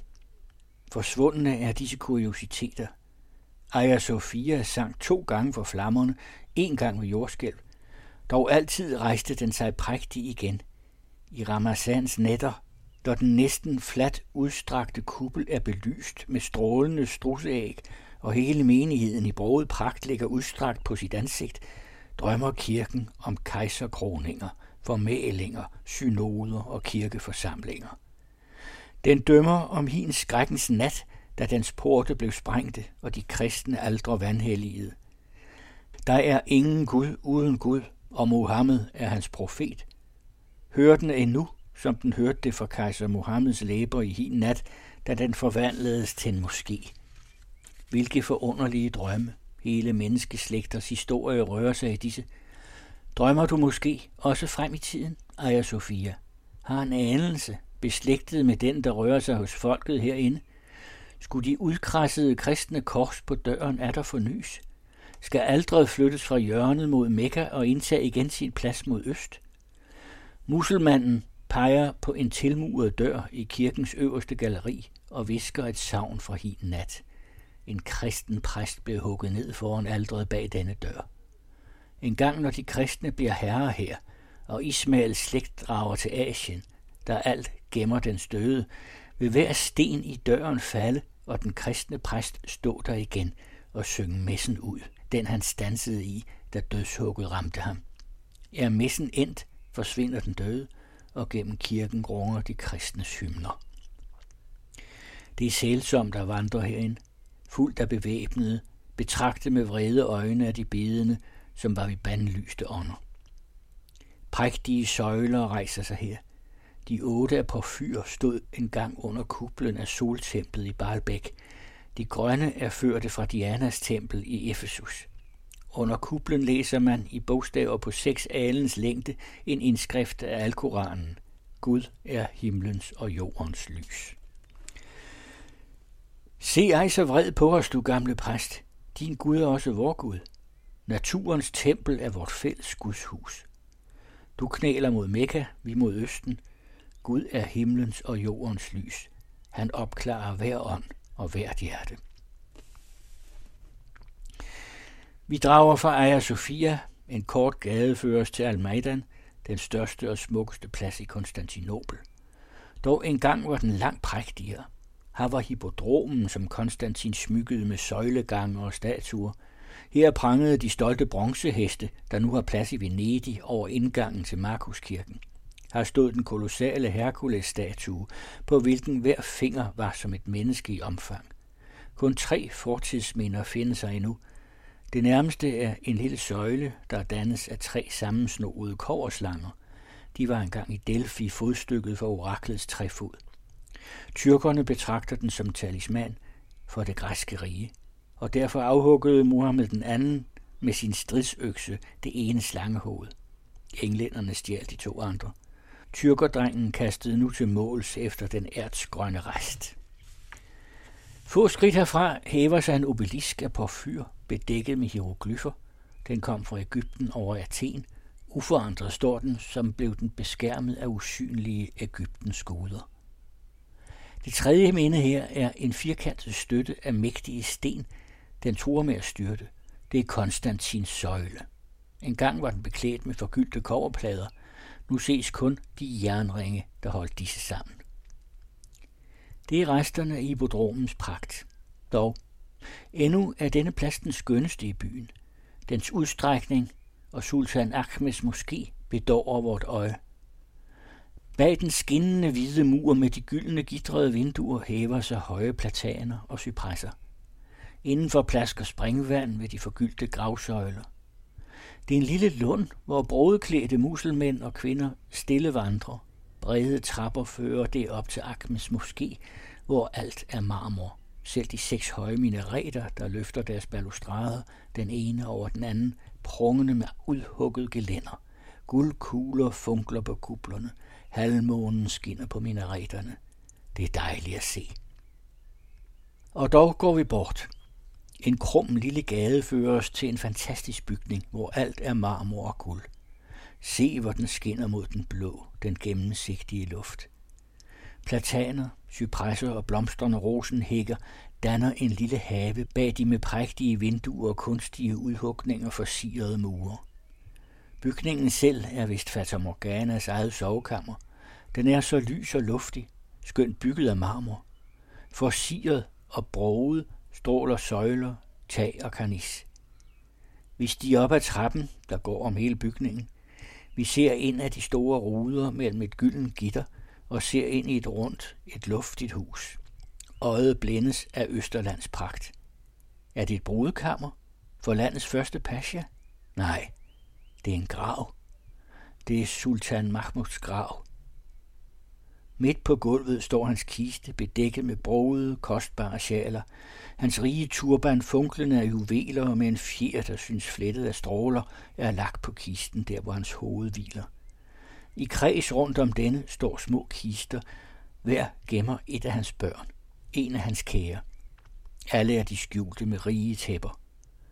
To præster stiger ud til os og hæver troende hånden. Kristen mand må ej se en troendes grav, siger de. Røgelseskålen svinges, den blålige røg stiger i solglans mod det prægtige loft. Over Mahmuds kiste, da de havde ført den herhed, spændtes et telt. Rig og fattig forundtes adgang. Gamle mænd græd, så elsket var han, han, der styrede janisjarerne, indførte frankisk disciplin og klædning. Rundt om teltet rejste sig i midlertid bygningen, som vi nu ser. Først da kuplen var sat, da halvmånen skinnede i solen deroppe, løstes teltet over kisten, der var vædet med tårer. Men nu er vi trætte af at vandre og se. Der er en dag i morgen. Der går vi til karavanserajet, den mægtige stenkoloss, som gemmer de rige varer for Asiens byer. Vi går til den prægtige vandledning, hvor slyngplanterne hænger mellem de store kvadersten. Vi besøger tyrkisk bad. Ja, prøv det måske. Se, det er i dag vor vandring i Konstantinopel. Dervischernes dans. Det er nok som bekendt, at tyrkerne, det vil sige den rå håb af nationen, anser alle sindssvage for inspireret af en guddommelig ånd. Derfor har de vanvittige plads i moskéerne. De skrækkelige Isaui er genstand for erbødighed og ærefrygt. I en tilstand som disse kommer dervisjerne ved deres dans. Der er en sand selvpinsel. En slags berusende rod, som de tykker på, forhøjer vildheden. Dervisherne, som har deres kloster i Skutari, kaldes Ruhanis, som betyder de hyldende. Dervisherne i Pera har navnet Mevlevis. Det er de drejende. De danser sædvanligt torsdag og fredag. Jeg har set disse danse, og vil forsøge at give en skildring af disse og det indtryk hele ceremonien i deres klostre gjorde på mig. En rejsende, med hvem jeg sejlede over til Skutari for at se dervisherne, stemte mig særdeles forud ved sine fortællinger om de beslægtede danse af Isaui. Den rejsende kom fra Tripolis, hvor der, som på hele den afrikanske kyst, i alle moskéerne findes under en slags bevogtning hele skare af disse skabninger. På en vis dag om året bekendtgøres, at Isaui vil danse gennem gaderne, og der lukker en hver sin dør, og ingen kristen eller jøde våger sig ud. Han kunne ellers ved at møde dette vilde tog, der vel er under bedækning, blive levende sønderslidt. Hunde, katte, alt kræ de møder, river de ihjel, og de sluger de blodige stykker. Jeg var just sidste år på denne de gales dag i Tripolis, sagde den fremmede. Jeg havde hos vor konsul plads på husets flade tag. I hele gaden var alle porte og døre vel tillukket. Toget nærmede sig. En skare velbevæbnede soldater til hest omringede de rasende, der på et bælte nær var aldeles nøgne. Deres lange kulsorte hår hang dem ned om skuldrene. De gjorde sælsomme små hop og udstødte vilde hyl, i det de idelig kastede hovedet, nu forover, nu tilbage, så det lange hår snart skjulte ansigtet, snart omflagrede det i skrækkelig vildhed. De fæle skrig blev ledsaget med musik af håndtrummer og sækkepiber, og alt som de sprang fremad, greb de stundom ned i gaden, tog der de løse flintesten og skar sig med den dybe flænger i bryst og arme. Uden for huset, hvor vi stod, havde vi for at se i Sauis vildhed lavet en maurisk tjener binde en levende ged. I det skaren kom, fik mauren befaling at dræbe dyret. Han jog sin dolk i halsen på det og sprang så bag døren. Geden sprællede sit blod, og i samme nu trængte de hylende i Saui frem, og en af dem jo sin hånd ind i det blodige sår løftede med hyl geden op i vejret, sønderrev den og slyngede de blodige indvolde op af husets mur. Hele skaren styrtede sig over dyret og åd bogstaveligt kød, hud og hår. Under denne skildring satte vi over Bosbrus. Jeg gengiver det her fortalte som det præludium, der stemte min fantasi for klostret og dansene, jeg her skulle se. Vi var i Skutari, en by, der har halvandet hundredtusind mennesker, altså en halv gang så mange som København, dog anses den kun som en forstad til Konstantinopel. Har alt gammel mahomedansk, har bor, om man så så kalde dem, de ortodoxe tyrker. Et par stærkt bevæbnede halvnøgne arabere drev deres belæssede kameler fra strandbredden gennem gaden ud mod den store kirkegård. En lang rejse begyndte. Vi fulgte efter og stansede i udkanten af byen ved et fattigt, ubetydeligt hus, så vidt jeg husker bindingsværk. Dette var dervischernes kloster. Døren var endnu ikke åbnet. Vi kom for tidligt og gik derfor hen til de nærliggende tyrkiske caféer, der grænser lige op til den milevidt udstrakte cypresskov, hvor de døde hviler. Uden for caféerne under de grønne løvtræer sad en mængde tyrker, militære og civile. En del af dem var her for at tage del i dervischernes danse, eller som vi at se på. En hæslig gammelt værv sad Han skulle være en ivrig rohanis, sagde man. Jeg skulle snart få ham at se imellem de dansende. Han skulle være meget rig og have 12 smukke koner i sit serej. Sin lille søn havde han med i caféen. En dejlig dreng, der var lige så høj som faren. Endelig åbnede døren til klostret. Vi gik derover og kom ind i en bred forstue, der med et halvt ophæftet ulden tæppe var delt i to dele. Har så ud som i vores provinsbyer skuret foran det baghus, hvor i fremvises vilde dyr. En hver måtte drage sine sko eller støvler af, og disse blev der opstillet bag gardinet. Min ledsager, den rejsende, der havde været i Tripolis, tog et par safians tøfler op af sin lomme, drog disse over støvlerne og gik således ind. Men tyrkerne så vredt på ham og talte indbyrdes. Jeg havde remme syet fast i bindklæderne, så det var vanskeligt at kaste støvlerne, men da man bør følge landets skik eller landets fly, tog jeg i hast en kniv, skar remmen i tu og spacerede som tyrkerne på mine hosesokker. En gammel mand med turban klappede mig på skulderen og nikkede mildt og sagde noget. Min tolk oversatte mig, at jeg var et godt menneske, der agtede religionen og fortjente at være en tyrk. Gud oplyse dig, var hans sidste ord. Jeg trådte nu ind i selve templet, om det kan kaldes så. Det dannede en firkantet sal, for oven med veltilgidrede gallerier for fruentimmerne, for neden rundt om en skranke af uhøvlede brædder. Indenfor var dansepladsen der for øjeblikket lå bedækket med røde, hvide og blåfarvede skin. Henover disse lå på maven en mængde dervischer, klædt som tyrkerne sædvanligvis. Dog var her også mange i den nyere reglementerede dragt, militære frakker og høje, store fæs. Gulvet berørte de med deres pande. Imellem hævede de hovedet, men hurtigt, som om noget forskrækkede dem, slog de igen hovedet ned. Jeg stod med hosesokker på det kolde stengulv og skiftede med at sætte den ene fod på vristen af den anden for at holde varmen. Det var slet ikke behageligt. Hen ad den midterste væg hang i ramme store tyrkiske indskrifter og billeder, som forestillede bygninger, og her hang tamburiner, bækner og jernsvøber med skarpe pigge til at hudflette sig med. Midt i væggen var, som i de tyrkiske moskéer, en niche, der tjente som alter, og ud for denne stod en præst i blå talar, grøn turban og med et langt hvidt skæg. Han svingede et røgelseskar og udstødte med en forunderlig strobelyd nogle tyrkiske ord. Nu begyndte enkelte stemmer en sang med kor.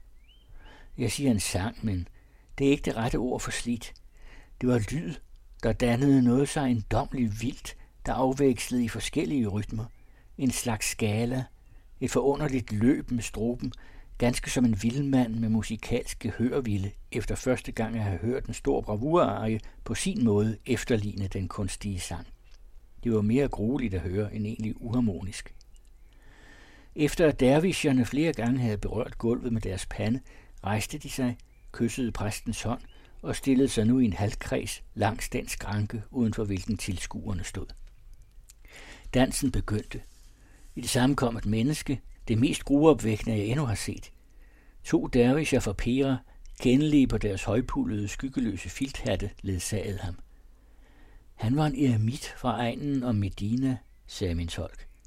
Aldrig har jeg set noget menneske hos hvem vanvid således lyste ud af øjnene som hos denne. De andre dansende havde lagt deres turban og fest foran på nichen, og hver taget en hvid filtkalot på. Men sådan trådte eremitten ind. Et sort stridt hår hang ham langt ned over ryg og skulder. Han bar en hvid kappe, på hvilken var syet med rødt tøj to bevingede heste. Han stillede sig midt i halvkredsen. Alle stod de, som om fødderne var navlede fast, men som en dampmaskine satte de andre lemmer i bevægelse. Hvert ledemod bevægede sig i samme retning og på samme tid. Først forover, så tilbage, nu til højre, så til venstre, og alt under en sang eller en remse, hvad man nu vil kalde det, først langsomt og derpå i mere og mere hurtigt tempo, såvel sang som bevægelse. De dansende kom i vilde, næsten utærlige stillinger. To unge tyrker sad på huk uden for halvkredsen og ledede sangen, der bestandig steg med en ensformig betoning på den tredje stavelse.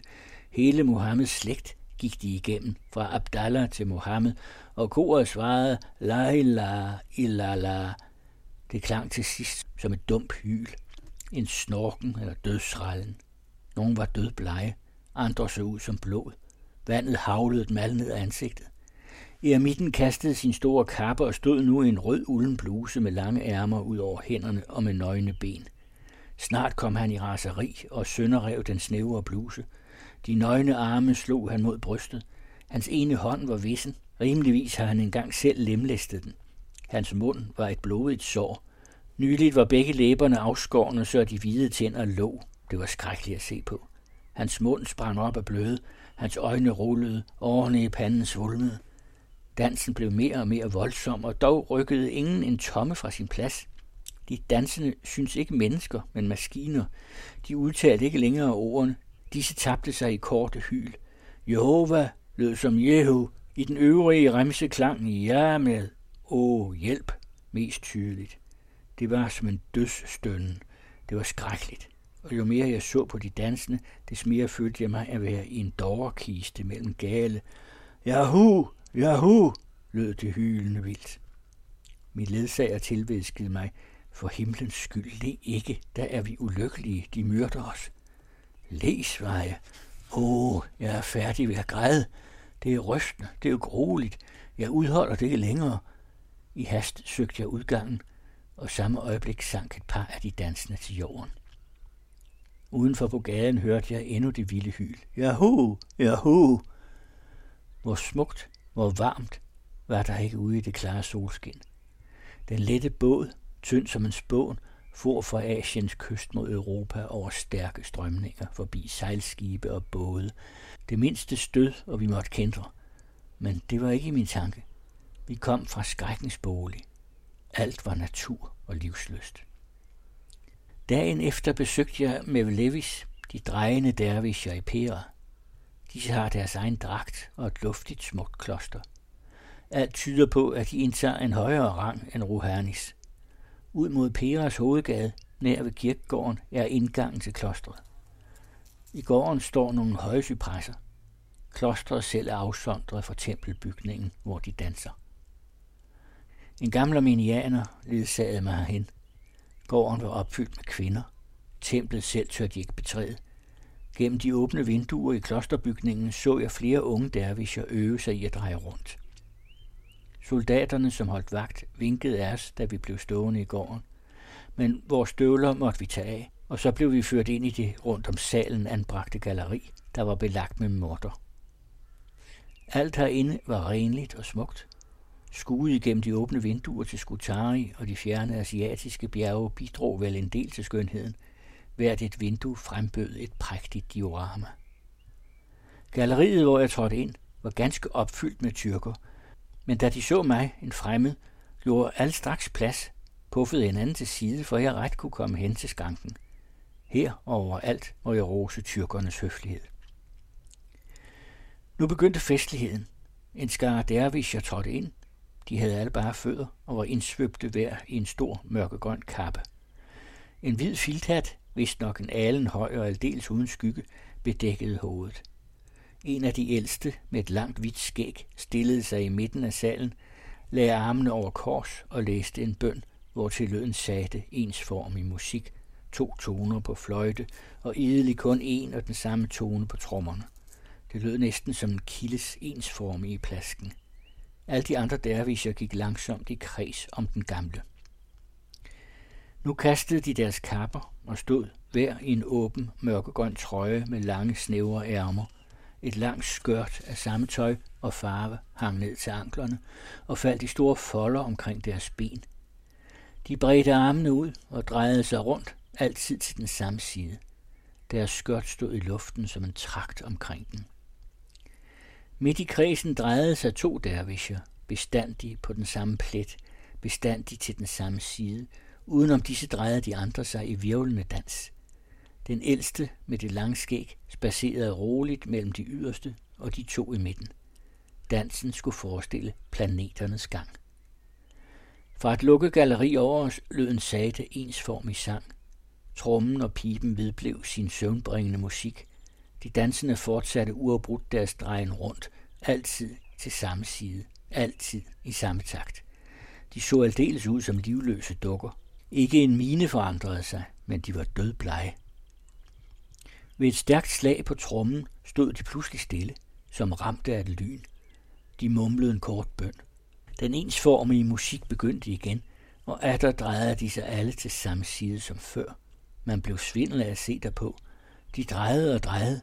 Nu vaklede en. Der lød pipen og trommen i et hurtigere tempo, og den vaklende virvlede endnu hurtigere rundt. Altid vildere, altid hurtigere. Det var ej til at holde ud. En hel time varede denne dans, men den havde intet grueligt. Den kunne næsten kaldes graciøs. Man måtte kunne glemme, at det var mennesker, tro, at det var dukker. Dansen i forening med den svage, enstonende musik gav det hele karakteren af en stille vanvid, der mere rørte end rystede. Og byggelig kunne den hele handling næppe kaldes. Den forekom mig som en slags ballet, hvorimod dansen af dervisherne i Skutari hang i min erindring som billedet af en dårkiste. Jeg fortsætter de kommende uger med flere uddrag fra en digters bazar. Den anden radio. Public Service Radio om kultur og samfund. Og nu fortæller Kirsten Røn om Freihaus i Wien i slutningen af 1700-tallet. En by i byen. Tænk, hvis man kunne skrue tiden tilbage for en aften og gå en tur i Wiens gader i efteråret 1791 hen til Freihaus. Freihaus var en lille by i byen, et kompleks af huse, forbundet med hinanden af seks store gårdspladser, 32 trapper og 225 lejligheder. Det havde sin egen kirke, værksteder for snart sagt alle slags håndværk, en oliepresse, et apotek og en mølle, og den blev drevet af en strøm afledt fra Donau. Freihaus blev ejet af Marsano-familien, rig og indflydelsesrig, men også fordomsfri, og Freihaus var fritaget for alle skatter. I den store gård var der en have med alléer og blomsterbede og en træpavillon, og der kunne man møde Emanuel Schikaneder, teaterdirektør, skuespiller, sanger, dramatiker, komponist og Mozarts gode ven. Og i Freihaus var han direktør for Teater an der Wieden, hvor tryllefløjten blev urført den september måned i 1791. I de mange lejligheder boede mange interessante mennesker, for eksempel Haydns elskerinde, og Schikaneder selv og de fleste i hans kompani. Og i træpavillonen samlede Chicaneters folk efter prøver og forestillinger med den humoristiske direktør i spidsen for de glade. Han kaldte sine sanger og skuespillere for sine børn. På langsiden af gården lå teatret, en imponerende stenbygning med tegltag, som Chicaneter udvidede og forstærkede. Teatret var beregnet til 1000 mennesker. Det var 30 meter højt og 15 meter bredt. Scenen var 12 meter dyb og var udstyret med alle slags rekvisitter, komfort og scenemaskineri. Det havde en dobbeltrække af loger, et par terrer delt i to, og på Mozarts tid to gallerier, som Schikaneder senere udvidede til tre. Træpavillonen står nu i haven ved Mozarts i Salzburg, og i den har Mozart skrevet dele af tryllefløjten, men dengang blev pavillonen også brugt til at holde prøver i, når de ikke var så mange.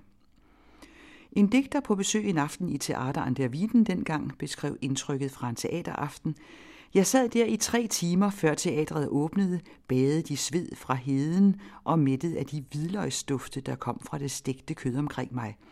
Endelig blev lamperne dæmpet, min sol begyndte at stå op, musikerne kom ind i orkestergraven en efter en, de lykkelige mennesker, som kan sidde der hver aften. Men hvad er det næsten alle forbinder med tryllefløjten? Det er det underlige fuglemenneske Papageno, og sjovt at tænke på, at alt muligt mennesket Chicaneta var den første Papageno.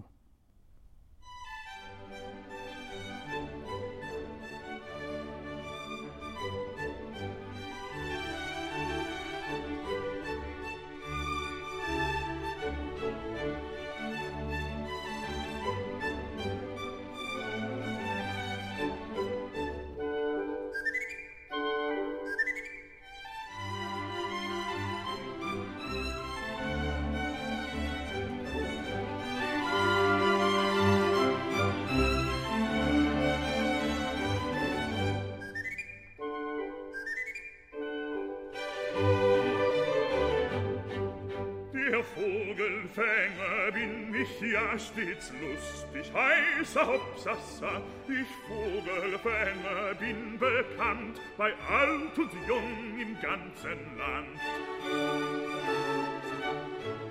Weiß mit dem Locken umzugehen und mich aufs Pfeifen zu verstehen. Drum kann ich froh und lustig sein, denn alle Vögel sind ja mein.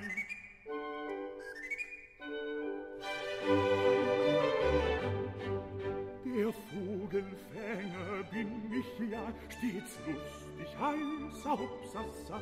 Ich Vogelfänger bin bekannt, bei alt und jung im ganzen Land. Ein Netz für Mädchen möchte ich, ich fing sie dutzend weiß für mich. Dann sperrte ich sie bei mir ein und alle Mädchen wären mein.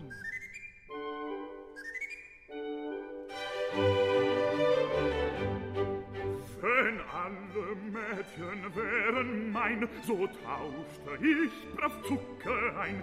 Die, welche mir am liebsten wär, der gäb ich gleich den Zucke her.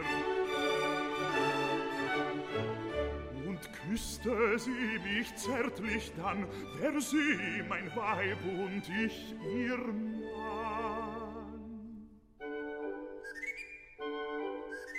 Sie schlief an meiner Seite ein, ich wiegte wie ein Kind sie ein.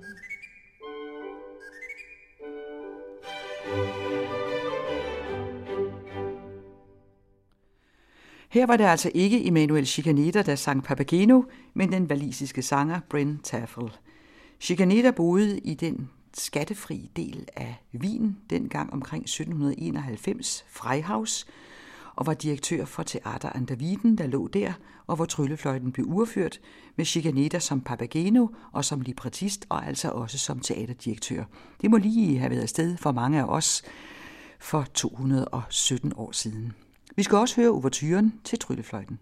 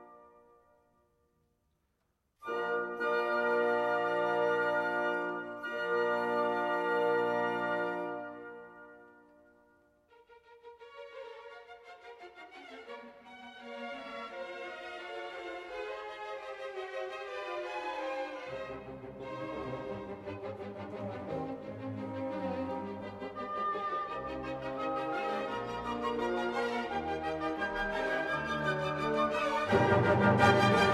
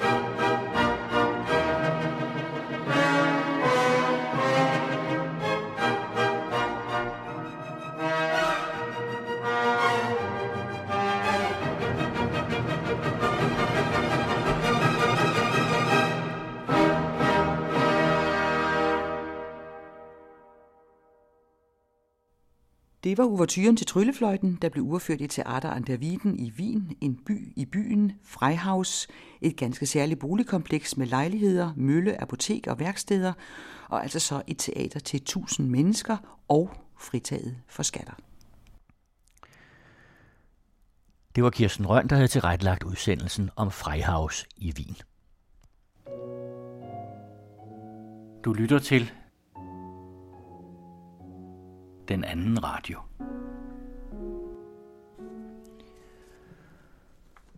Og nu læser jeg, Carsten Farov, tredje del af vores følgetong. Teksten er Stefan Zweigs berømte erindringer Verden er i går, hvor han i begyndelsen mindes den trygge tid i Wien før Første Verdenskrig. Men tryghed betød også stillstand, og især de unge mennesker følte en dødlignende ubevægelighed og en nedvurdering af alt ungdommeligt og nyt. Skolen i forrige århundrede At jeg efter den normale skolegang blev sendt på gymnasiet, var kun en selvfølgelighed. I enhver velhavende familie sørgede man alene for selskabstonens skyld for at få dannede sønner.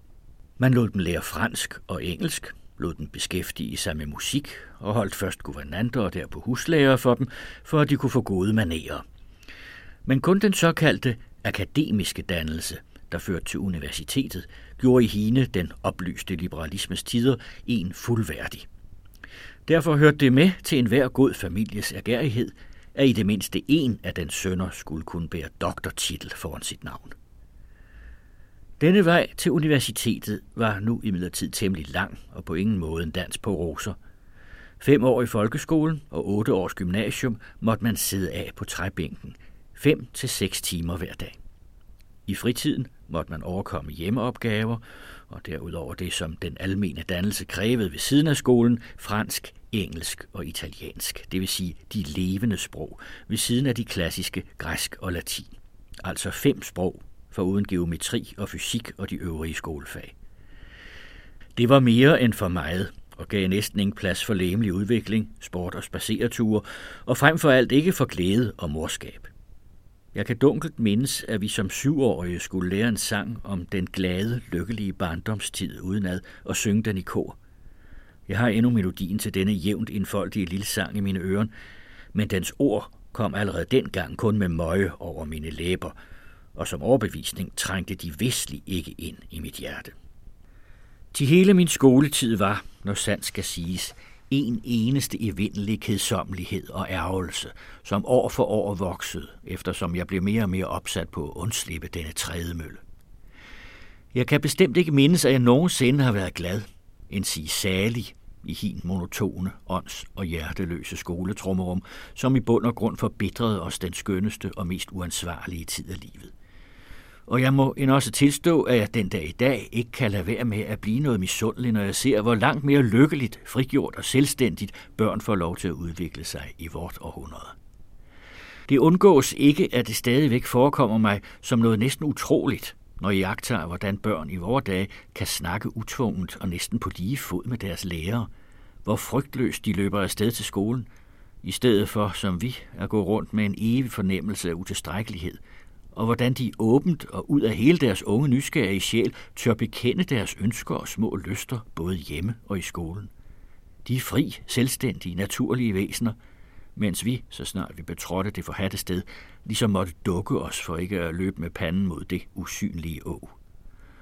Skole var for os tvang, ørken, kedsomhed, et sted, hvor man i nøjagtigt afmålte portioner måtte indtage viden om det, der ej er værd at vide – skolastiske eller skolastisk gjorte materier, som vi følte slet ikke stod i nogen forbindelse med det reale liv og vores personlige interesser. Det var en mat og åndløs læreren, en læreren ikke for livets, men for undervisningens skyld, som den gamle pædagogik påtvang os. Den eneste virkelig bevingede lykkestund, jeg kan sige skolen tak for, var den dag, da jeg for evigt slog den dør i bag mig. Ikke sådan at forstå, at vores østriske skoler i sig selv var dårlige. Tværtimod, den såkaldte undervisningsplan var omhyggeligt udarbejdet på grundlag af 100-årig erfaring, og den kunne, om den var blevet inspirerende formidlet, have grundlagt en frugtbar og temmelig universal dannelse. Men netop på grund af deres tørre skematisering og fordi de slavisk og pedantisk holdt sig til planen, blev vores timer grusomt tørre og ulevende. Det hele blev et koldt læreapparat, der aldrig så meget som skelede til individet. Det nøjes med, som en automat ved hjælp af tal og bogstaver, MG, G og TG, at opnotere, i hvilken grad man gjorde fyldst for planens fordringer. Og det var netop denne ukærlighed og denne nøgterne upersonlighed og det kasernelignende ved hele livet og tonen, som gjorde os ubevidst forbedret. Vi havde at lære vort pensum og blev overhørt i, hvad vi havde lært. I løbet af de otte år spurgte ikke én lærer en eneste gang, hvad vi personligt kunne ønske at lære. Den inspirerende tilskynden, som enhver ung mand hemmeligt længes efter, udeblev komplet. Denne nøgternhed gav sig allerede til kende rent udvortes i vores skolebygning. Den var typisk, bygget for behovet, for 50 år siden smækket op i største hast og for færrest mulige penge, og uden tanke eller idé. Med sine kolde og slet vittede gange og lavloftede skolestuer uden billeder eller anden udsmykning, der kunne fryde øjet, og med sine alt gennemduftende retirader, havde denne undervisningskaserne noget af det samme ved sig som en gammel hotelnatpotte, som utallige gæster har benyttet før en, og som utallige medskabninger skal benytte efter en, ligegyldigt eller modvilligt. Endnu den dag i dag er det mig ikke muligt at glemme den kvalme og mugne stank, der hæftede ved dette hus, som ved alle østriske offentlige kontorer og institutioner, og som vi kaldte den erariske statsodør. Denne odør er overopvarmet, overfyldte og aldrig rigtig udluftede værelser. En os, der først sivede ind i ens tøj og derpå videre ind i sjælen. I skolestuen sad vi to og to som galejslaver på lave træbænke, der bevirkede krumme ryggrade, og der sad vi til knoglerne gjorde ondt. Om vinteren blafrede mat og blåligt lys fra åbne gasflammer hen over vores bøger, men om sommeren blev der omhyggeligt trukket for vinduerne, på det at det drømmende blik endelig ikke skulle forlyste sig med den lille himmelfirkant derud. Hint århundrede havde endnu ikke opdaget, at uudviklede unge læmer behøver luft og bevægelse – 10 minutters pause ude i den kolde snævre gang galt for tilstrækkelig inden for et tidsrum af 4-5 timers ubevægelig stillesiden. To gange om ugen blev vi ført ind i gymnastiksalen, for at vi kunne trampe rundt uden mål og med der på et bredegulv, hvor hvert skridt opvirvlede meter høje støvskyer, al den stund vinduerne var omhyggeligt lukket. Hermed havde man honoreret hygiejnens krav. Staten havde opfyldt sine forpligtelser mod os, hvad angik mens sana in corpore sano. Endnu mange år efter, når jeg gik forbi dette håbløst triste hus, havde jeg en dyb følelse af befrielse, fordi jeg ikke mere behøvede at betræde hint ungdomsfængsel. Og da der i anledning af den hedderkronede anstalts 50-års jubilæum foranstaltedes en fest, og jeg som gammel mønsterelev modtog opfordring til at holde festtalen i overværelse af minister og borgmester, gav jeg et høfligt afslag. Jeg havde ikke noget at takke den skole for. Et hvert takkende ord i min mund ville have været løgn. Man kan heller ikke sige, at vores læger havde nogen skyld i menagens trøstesløshed. De var som end hverken gode eller onde, hverken tyranner eller hjælpsomme kammerater. De var bare nogle sølle djævle, der som slaver var lænket til skemaet og den embedsmæssigt foreskrevne undervisningsplan. De havde deres pensum at komme igennem ligesom vi, og de var, det følte vi tydeligt, akkurat lige så lykkelige som vi elever, når klokken om eftermiddagen forkyndte frihed for dem og os. De elskede os ikke, og de havde os ikke, og hvorfor skulle de også nogle af delene? De kendte os jo ikke.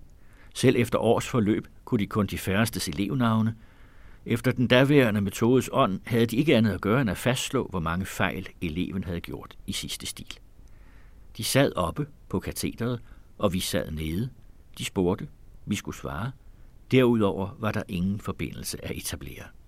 Til mellem lærer og elev, kateter og skolebænk, det synlige oppe og det synlige nede, stod autoritetens usynlige barriere, og den hindrede enhver kontakt. At en lærer skulle betragte eleven som et individ, som krævede, at man på særlig vis gik ind på hans særlige egenskaber, eller at læreren, som det nu er selvfølgelig, skulle udfærdige vidnesbyrd om og i agtagelser af eleverne, Slit ville dengang have overskrevet grænsen for hans beføjelse og evner. På den anden side ville en privat samtale have forringet hans autoritet, fordi sådan ville have stillet os, eleverne, på linje med ham, den forsatte. Intet forekommer mig mere karakteristisk for den fuldkommende mangel på åndeligt og sjæleligt samfund mellem os og vores lærere, end det faktum, at jeg har glemt alle deres navne og ansigter. Min hukommelse opbevarer endnu med fotografisk skarphed billedet af katedret og protokollen, som vi altid prøvede at skele ned i, fordi den indeholdt vores karakter. Jeg kan se den lille røde notesbog, som de først nedfældede deres klassificeringer i, samt den lille sorte blyant, de skrev tallene med, og jeg kan se mine egne stilebøger oversået, som de var med lærerens rettelser i rygblik. Men jeg ser ikke et eneste af deres ansigter for mig mere. Måske er det, fordi vi altid plejede at stå foran den med nedslåede eller ligegyldige blikke. Denne min misfornøjelse med skolen var imidlertid ikke bare min personlige indstilling. Jeg kan ikke mindes en eneste af mine kammerater, uden at han jo led under og ærgede sig over, at vores bedste interesser og hensigter blev hæmmet, sultet og undertrykt i trædemøllen. Men det var først langt senere, jeg forstod, at denne ånd- og hjerteløse metode for ungdomsopdragelse ikke for eksempel kunne lægge statens instanser til last, men at den var udtryk for en bestemt, men omhyggeligt hemmeligholdt hensigt. Verden foran os eller over os havde indstillet alle sine tanker på en fetish, trygheden. Og derfor elskede den ikke ungdommen, eller rettere sagt, den følte bestandig mistillid til ungdommen. Det borgerlige samfund, der var forfængeligt af sit systematiske fremskridt og sin gode orden, proklamerede mådehold og rolighed i alle livsformer som menneskets eneste virksomme dyd. Et hvert jag med hensyn til at føre os fremad skulle undgås. Østrig var en gammel stat, behersket af en gammel kejser og regeret af gamle ministre. En stat uden ambitioner og med det ene håb, at den ved at afværge alle radikale ændringer kunne hævde sig ubeskadiget i det europæiske rum. Ungdommen, der jo altid instinktivt ønsker hurtige og radikale forandringer, regnedes altså for et betænkeligt element, der så længe som muligt måtte holdes ude eller nede. Man så derfor ingen grund til at gøre os skoleårene behagelige. En hver form for frem- og opgang skulle vi først gøre os fortjent til gennem tålmodig venten. Ved dette vedvarende tilbageskub fik aldersklasserne en helt anden værdi end i vore dage. En 18-årig gymnasiast blev behandlet som et barn. Han fik straf, hvis han blev grebet i at ryge cigaretter. Han måtte lydigt og ydmygt række hånden i vejret, hvis han ønskede at forlade skolebænken i et naturligt ærne. Men også en mand på 30 år blev stadig betragtet som endnu ikke flyvefærdig. Og selv den 40-årige blev regnet for endnu ikke moden til en ledende stilling. Da det forbløffende undtagelsestilfælde indtraf, at Gustav Mahler, 38 år gammel, blev udnævnt til chef for hofoperaen, gik der en forskrækket visken og tisken gennem hele Wien. Tænk, at man havde betroet landets første kunstinstitut til en så ung mand. Man glemte fuldstændig, at Mozart var 6 og Schubert 31, da de havde skabt deres livsværk. Denne mistanke om, at en ung mand nogle gang ikke var helt tilforladelig, var noget, der dengang var fælles for alle kredse. Min far ville aldrig have optaget en ung mand i sin forretning, og den, der var så ulykkelig at have et særligt ungt udseende, måtte regne med, at han alle vegne fik mistillid at slås med. Således skete det i vore dage næsten ubegribeligt, at det at være ung blev en hindring, det at være ældre et plus. Mens i vore dage, hvor alt er helt anderledes, 40-20-årige gør alt muligt for at se ud som 30-årige, og 60-årige som 40-20-årige, mens i vore dage ungdommelighed, energi, dødkraft og selvtillid er en hjælp, en anbefaling, måtte i hin tryghedens tidsalder en hver, der ville frem i verden, forsøge sig med al slags tænkelig maskering for at synes ældre, end han var. Aviserne anbefalede midler til fremme af skægvæksten. 4-25-årige unge læger, som lige havde taget medicinsk embedseksamen, gik med mægtige skæg og tog, selvom øjnene ingenlunde trængte dertil, guldbriller på bare for at de hos deres første patienter kunne gøre indtryk af en erfaren læge. Man tillagde sig lange sorte diplomatfrakker og en sat gang, og om muligt et diskret embonpoint, for at læmeliggøre den efterstræbelsesværdige sathed, og den ergærige anstrengelse for i det mindste i det ydre at fornægte den for usoliditet mistænkte ungdomsalder. Allerede i 6. og 7. klasse protesterede vi imod at gå med skoletasker, og vi benyttede i stedet dokumentmapper, for at det ikke skulle kunne ses på os, at vi var gymnasiaster. Alt det, som nu synes os misundelsesværdigt eje, ungdommens friskhed, selvbevidsthed, forvågenhed, nyfigenhed og livsløst. Alt det stod for hin tid, der kun havde sans for det solide, som noget mislibigt.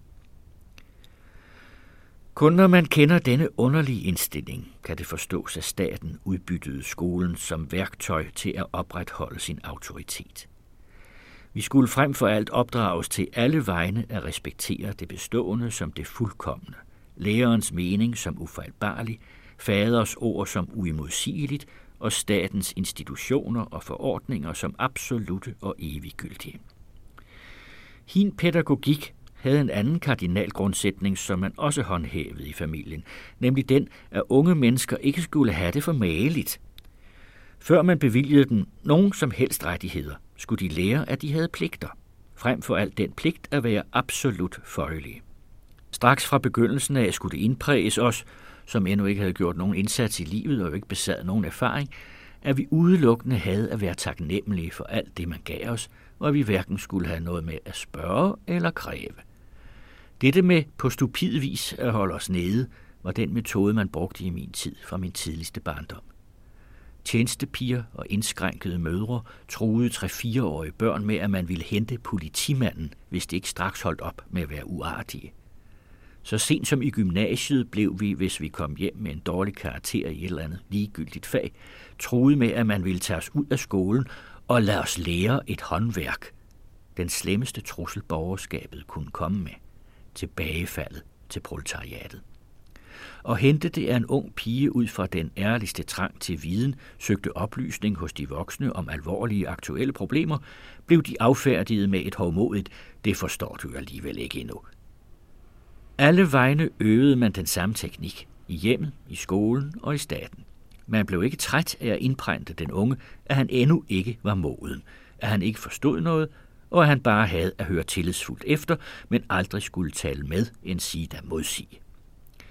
Af samme grund skulle altså også den arme djævel af en lærer, der sad op på katedret, forblive en utilnærmelig afgud og træmand, der bare havde at begrænse vor hele følen og trakten til undervisningsplanen. Om vi befandt os vel i skolen eller ikke, var uvæsentligt. Ifølge tidens ånd var skolens sande mission ikke så meget at føre os fremad, som at holde os tilbage. Ikke at forme vort indre, men så vidt muligt modstandsløst at tilpasse os til den ordnede helhed. Ikke at øge vor energi, men at disciplinere og nivellere den. Et sådan psykologisk, eller vel rettere upsykologisk tryk på unge mennesker, kan kun virke på to måder. Det kan virke lammende, eller det kan virke stimulerende. Hvor mange mindre værtskomplekser denne absurde opdragelsesmetode har frembragt, kan man, om man vil, efterforske i psykoanalytikernes akter. Måske er det ikke nogen tilfældighed, at dette kompleks lige netop blev opdaget af mænd, som selv måtte gå gennem vores gamle østriske skoler. Jeg for min person har dette tryk at takke for en tidlig manifesteret lidenskabelig stræben efter at blive en fri mand. En lidenskab, vor tids ungdom næppe kender til i en så voldsom grad. Og desuden et had til alt autoritært. Til alt det, der taler fra oven ned efter. Et had, som har fulgt mig hele mit liv. Mange år igennem var denne min modvilje mod alt apodiktisk og dogmatisk kun noget instinktivt hos mig, og jeg havde allerede glemt, hvor den stammede fra. Men da det engang passerede mig på en foredragsturné, at man havde reserveret universitetets store auditorium til mig, og jeg pludselig opdagede, at jeg skulle tale nedad op fra katedret, mens tilhørende sad dybt nede på bænkene, akkurat ligesom vi elever i sin tid, skikkelige og uden at komme med modsigelser, følte jeg mig med et utilpas. Det faldt mig i det øjeblik ind, at jeg i alle mine skoleår havde lidt under denne autoritære, ukammeratlige, doktrinære måde, jeg blev tiltalt på for oven nedad, og jeg blev grebet af frygt for, at jeg ved således at tale fra et kateter fra oven ned efter, kunne komme til at virke lige så upersonligt på mine tilhører som fordum mine lærere på os. Som følge af denne hæmning blev den forelæsning den dårligste i mit liv. Indtil vort 14 eller 15 år fandt vi os endnu pænt til rette med skolen. Vi morede os over lærerne, og vi lærte vores lektier med kold nysgerrighed. Men så kom det øjeblik, da skolen kun kædede og forstyrrede os. I al stillhed var der sket noget mærkværdigt. Vi, der var kommet ind i gymnasiet som 10 års drenge, havde allerede i de fire af de berammede otte år indhentet og overfløjet skolen åndeligt.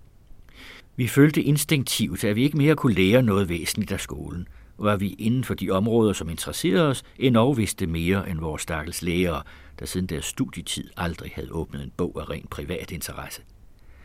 En modsætning til blev fra dag til dag mere synlig og følelig. På skolebænkene, hvor strengt taget nu kun vores bukser sad, hørte vi intet nyt og intet, der syntes os værd at vide. Og udenfor, der var en by fuld af tusindfoldige adspredelser og inspirationer. En by med teatre, boghandlere, universiteter, museer og musik. En by, hvor hver ny dag bragte overraskelser med sig. Ganske naturligt da, er al vor opdæmmede tørst efter viden, at al vor åndelige, kunstneriske, æstetiske nyfigenhed, som ikke fandt nogen næring i skolen, lidenskabeligt vendte sig mod alt det, der skete uden for skolen. Til at begynde med var det kun to-tre af os, der opdagede sådanne kunstneriske, musikalske og litterære interesser i sig. Snart var det en halv snes, og til sidst omtrent alle. For begejstring er jo hos unge mennesker en slags infektionsfænomen. Inden for en skoleklasse overføres den fra den ene til den anden, ligesom mæslinger eller skarlandsfeber, og i det de nyangrebne hver gang med barnlig og forfængelig agerighed søger at overbyde hinanden, ansporer alle efterhånden ved andre. I mere eller mindre grad er det derfor egentlig bare tilfældigt, hvad retning denne iver tager. Er der en klasse en dreng, der samler på frimærker, var det ikke længe før han har gjort en halv snes lige så tosset som han selv. Er der tre, der sværmer for danserinder, var det ikke længe før også de andre kammerater dagligt står på vagt ved teatrets personaleindgang, og tre år efter vort hold kom der en klasse, der var helt besat af fodboldgalskab. Og før os var der en, der begejstredes for Tolstøj og socialismen. At jeg tilfældigvis gerådet ind i en årgang af kunstbegejstret, har måske været af afgørende betydning for hele min udvikling. I og for sig var den begejstring for teater, kunst og digtning noget helt naturligt i Wien. Wiens aviser offrede mig en plads på alt kulturelt stof. Hvor man end færdedes, hørte man alle vejen de voksne diskutere operaren eller burgteatret, og i alle boghandlervinduer så man billeder af de store skuespillere. Sport ansås endnu for en brutal beskæftigelse, som en gymnasiast snarest burde skamme sig ved. Og biograferne med deres masseidealer var endnu ikke opfundet. Heller ikke hjemme behøvede man at frygte for modstand, for teater og litteratur regnedes blandt de uskyldige passioner, modsat kortspil og pigeforbindelser. Yderligere havde min egen far, som alle fædre i Wien, i sin ungdom sværmet lige så meget for teatret. Han havde med samme begejstring overværet en Lohengrin opførelse under Richard Wagner, som vi premiere på Richard Strauss og Gerhard Hauptmann. For selvfølgelig mødte vi gymnasiaster op ved hver premiere. Hvor ville man ikke have skammet sig over for de mere lykkelige, om man ikke næste morgen havde kunnet berette om hver eneste enkelhed. Havde vores læger ikke været slet så fuldkommen ligegyldige, som de faktisk var, ville de have opdaget, at hver gang der var en stor premiere, blev to tredjedel af eleverne på mystisk vis syge eftermiddagen i forvejen. Vi måtte stille os i kø klokken 3 om eftermiddagen for at snappe ståpladserne, de eneste, der var tilgængelige for os. Ved lidt større opmærksomhed ville de også have konstateret, at Rilkes digte sad gemt i papirbindet om vores latinske grammatikker, og at vi benyttede vores matematikhæfter til afskrifter af de smukkeste digte, vi havde set i de bøger, vi havde lånt. For hver dag, der gik, opfandt vi nye metoder til at udnytte de kedsommelige skoletimer til vores lektyrer. Mens læreren holdt sit fortærskede foredrag om Schillers ybernaive und sentimentalische Dichtung, læste vi under bænken Nietzsche og Strindberg, hvis navne den brave mand aldrig havde hørt. Der var kommet som en feber over os alle sammen. Vi ville vide alting. Vi ville kende alt, hvad der skete på alle kunstens og videnskabens gebeter. Om eftermiddagen flokkedes vi imellem universitetets studenter for at høre forelæsninger. Vi besøgte alle kunstudstillinger. Og vi gik i anatomiauditorierne for at overvåge sektionerne. Med nyfine næsebor snusede vi til alt. Vi sneg os ind for at høre filharmonikernes prøver. Vi rodede rundt hos antikvarerne, og vi gennemgik dagligt boghandlernes udstillinger, for øjeblikkeligt at få at vide, hvad der var udkommet siden i går. Og først og sidst, vi læste. Læste. Læste alt, hvad vi kunne få fat i. Vi lånte bøger i alle tilgængelige biblioteker, og vi lånte gensidigt hinanden, hvad vi kunne opdrive men intet sted formede og uddannede os for og i alt nyt som kaffehuset. Nu må man vide, at Wiener Kaffehuset var en institution af en ganske særlig art, som ikke kan sammenlignes med noget tilsvarende i verden. Det var egentlig en slags demokratisk klub, der var tilgængelig for alle, der offrede en kop billig kaffe på sig selv.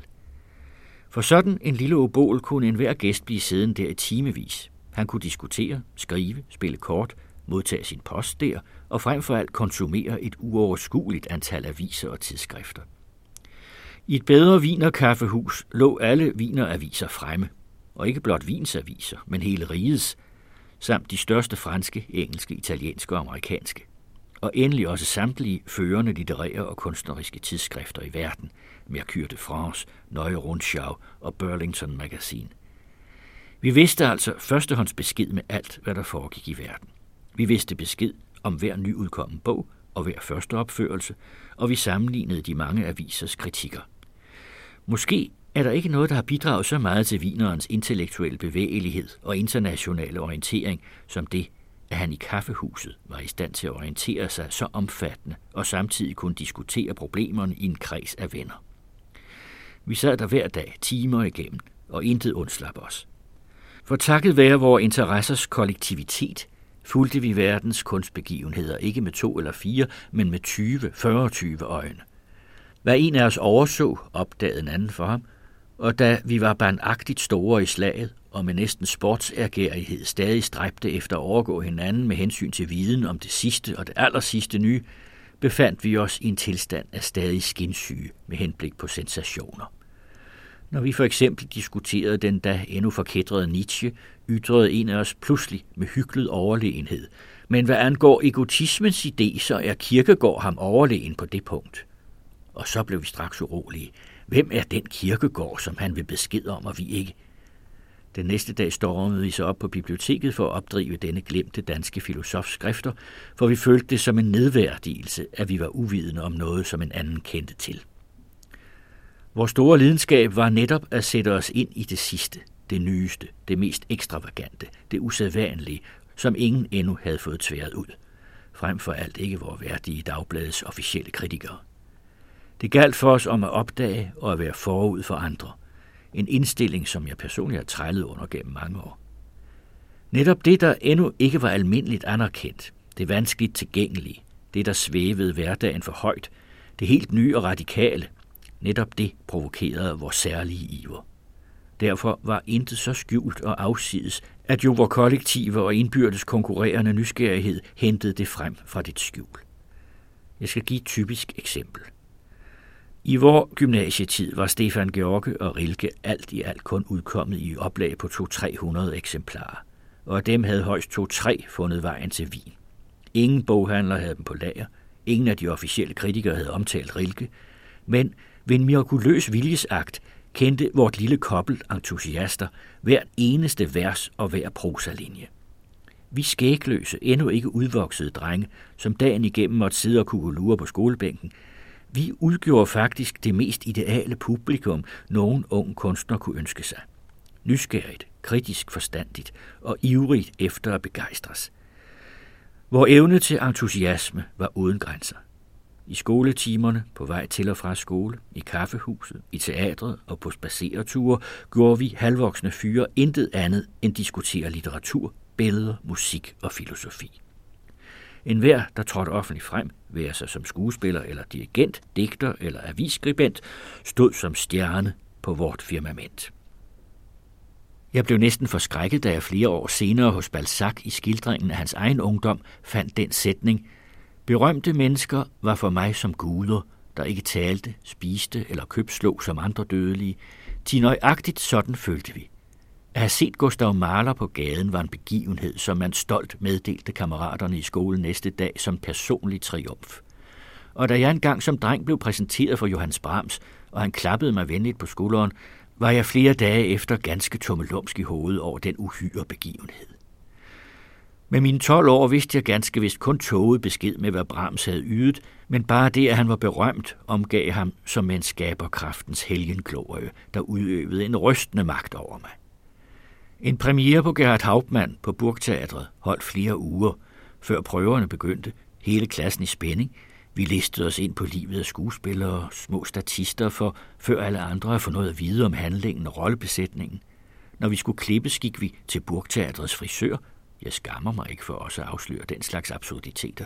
For at opsnappe nogle hemmelige oplysninger om fru Volter eller Sonnental, og en elev i en af de lavere klasser blev i særlig grad forkælet af os ældre elever og bestukket med alle hånder opmærksomheder, bare fordi han var en nevø af operaens belysningsinspektør, og fordi vi ved hans hjælp nu og da hemmeligt blev smuglet ind på scenen under prøverne. Og hvor grebethed ved at betræde scenen overgik den gysen, der gennemfor Dante, da han steg op i paradisets hellige sfære. Så stærkt virkede på os berømmelsens strålekraft, at den aftvang os ærefrygt, selvom den brødes gennem syvfoldigt medium. Der var en fattig gammel kone, vi betragtede som et overjordisk væsen, fordi hun var grandniæse af Franz Schubert. Og Josef Keins kammertjener så vi respektfyldte efter på gaden, fordi han var så lykkelig at få lov at være i personlig nærhed af den genialeste og mest elskede af alle skuespillerne. At der skjulte sig meget absurditet i denne utøjlede entusiasme, meget ren efteraben, meget blot og bare sport i det at overgå hinanden, og meget barnagtig forfængelighed, fordi man ved at beskæftige sig med kunsten hårdmodigt kunne føle sig hævet op over den filistrøse omverden af læger og slægtninge. Det er jeg naturligvis ganske klar over nu. Men endnu den dag i dag er jeg forbløffet over, hvor meget vi unge knøse dengang vidste på grund af vores overspændte begejstring for litteraturen – og hvor tidligt vi gennem denne uafbrudte diskuteren og kritiseren tilegnede os kritisk vurderingsevne. I 17-årsalderen kendte jeg ikke blot alle Baudelaires og Walt Whitmans digte, men kun de betydeligste af dem udenad. Jeg tror ikke, at jeg nogensinde i mit senere liv har læst så intensivt som i hine skole- og universitetsår. Der var navne, vi var ganske selvfølgelig fortrolige med, som først 10 år senere opnåede almindelig anerkendelse – og selv det mest flygtige blev siddende i erindringen, fordi det oprindeligt blev grebet med så stor iver. Jeg fortalte engang min højt ærede ven Paul Valéry, hvor gammel mit litterære bekendtskab med ham egentlig var.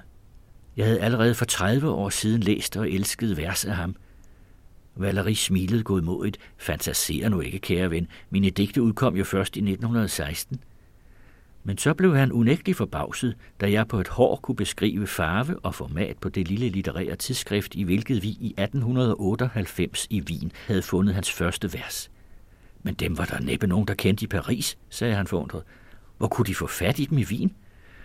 Nøjagtigt på samme måde som de som gymnasiast fik fat i Mallarmés digte, som den officielle litteratur lige så lidt kendte noget til, kunne jeg svare ham. Og han gav mig ret. Unge mennesker opdager deres digtere, fordi de vil opdage dem. Vi vejrede faktisk vinden endnu før den kom over grænsen, fordi vi uafbrudt snusede med spændte næsebor.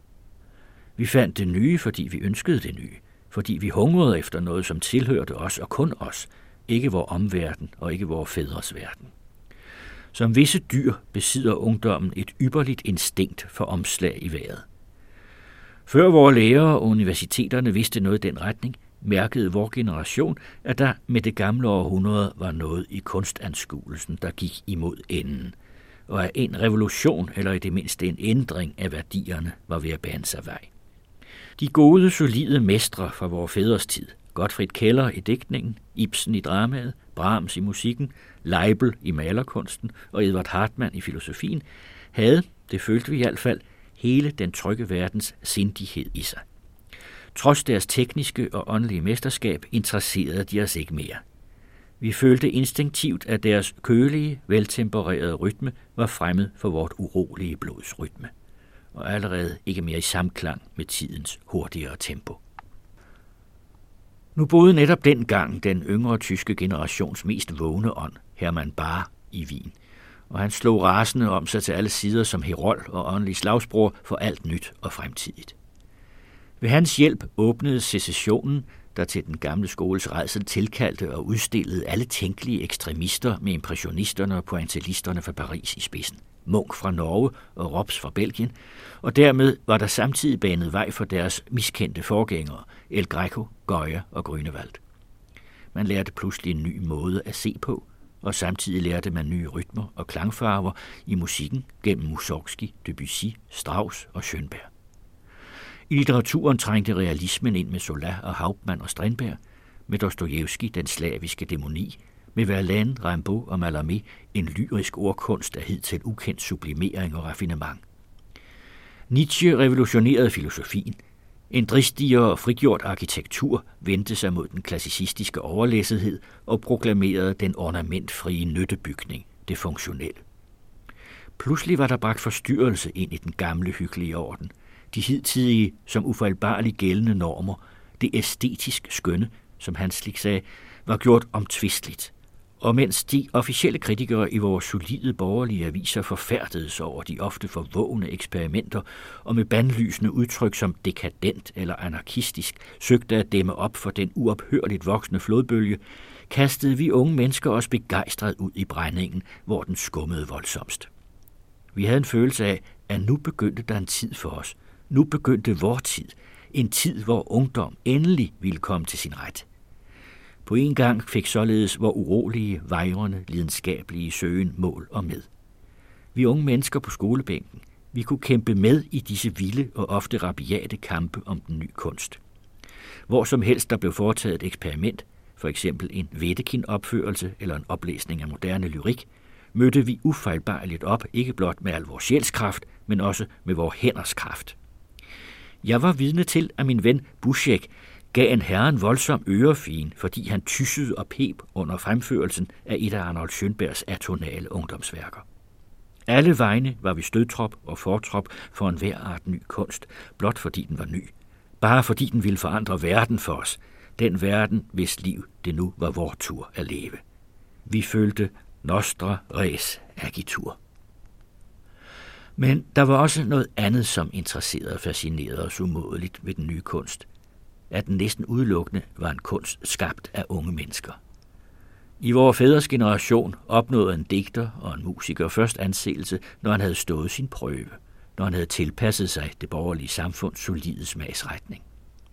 Alle de mænd, man havde lært os at respektere, opførte og gebærdede sig respektabelt. De gik med smukke grålamerede skæg og poetiske fløjlsjakker, Vilbrandt, Ebers, Felix Dahn, Lenbach og Paul Heise. De lod sig fotografere med tankefuldt udtryk, altid i værdig og digterisk positur. De opførte sig som hofråder og excellenser og blev som disse smykket med ordner. De unge digtere eller malere eller musikere blev i bedste fald bogført som håbefulde talenter. En positiv anerkendelse blev foreløbig henlagt i isskab. Hin forsigtighedens tidsalder yndede ikke at uddele forhastede gunstbevisninger. Den pågældende måtte først have vist sig pålidelig gennem årlange ydelser. Men de nye digtere, malere og musikere var alle unge. Gerhard Hauptmann, der pludselig var dukket op fra fuldstændig navnløshed, beherskede 30 år gammel den tyske scene. Stefan George og Rilke havde vundet en litterær berømmelse og en fanatisk tilhængerskare, da de kun var 23 altså endnu før den efter østrisk lov gældende myndighedsalder. I vores egen by dannedes lynsnart en gruppe Det Unge Wien med Arthur Schnitzler, Hermann Bahr, Peter Altenberg og Richard Beerhoffmann. Kunstnere, gennem hvem den specifikt østriske kultur ved en forfinelse af alle kunstneriske midler for første gang fandt europæisk udtryk. Men frem for alle var der én skikkelse, der fascinerede, forførte, beruste og begejstrede os – det vidunderlige og enestående fænomen, der hed Hugo von Hofmannsthal. I ham så vi unge ikke blot vores højeste ambitioner levende gjort, men også den absolute digteriske fuldkommenhed. Og det i skikkelse af næsten jævnaldrende. Det var Carsten Farov, der læste fra Stefan Zweigs Verden af i går, der er oversat af Helge Kærgaard. Og vi fortsætter følgetongen i næste uge.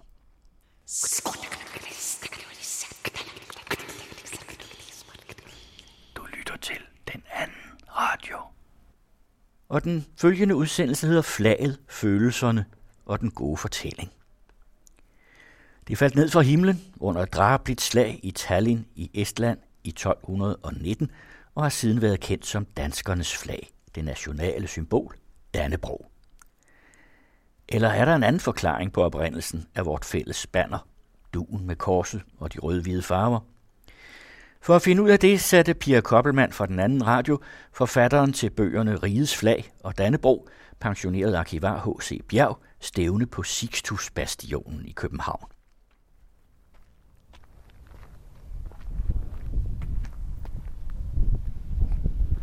Hans Christian Bjerg, pensioneret, men nu fungerende arkivar ved Flodstation Holmen. Vi er gået helt herud omkring Sixtus-bastionen, for der er der et meget stort og meget flot flag, som øh, kaldes Rides flag. Ja. Øh, hvad er historien om det, og er det mere Rides flag end noget som helst andet Dannebro i Danmark? Det kan jeg fortælle dig. Øh, Det stammer jo fra, fra 1340'erne. 1340'erne, ikke 1219.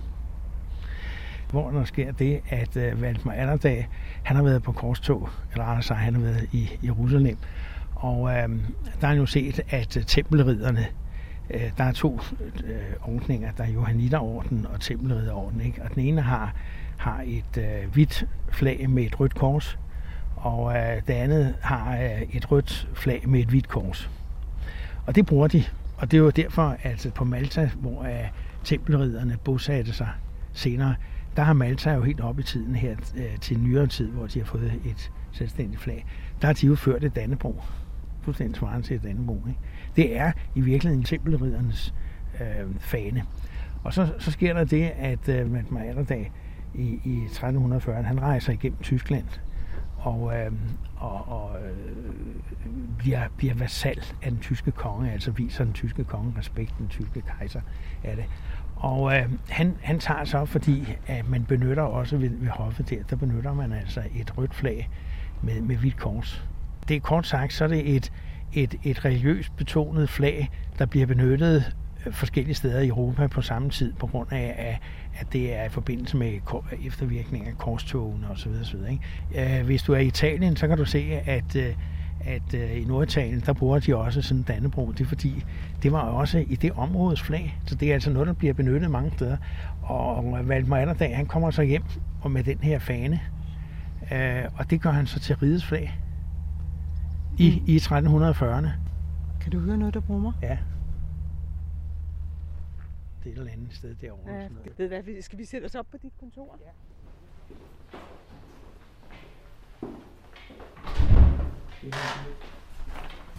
Nu er du kommet med en meget overraskende fortælling til mig. Du siger, jeg har altid gået rundt og troet, at Dannebro fik vi i Tallinn i 1219, og så siger du noget helt andet.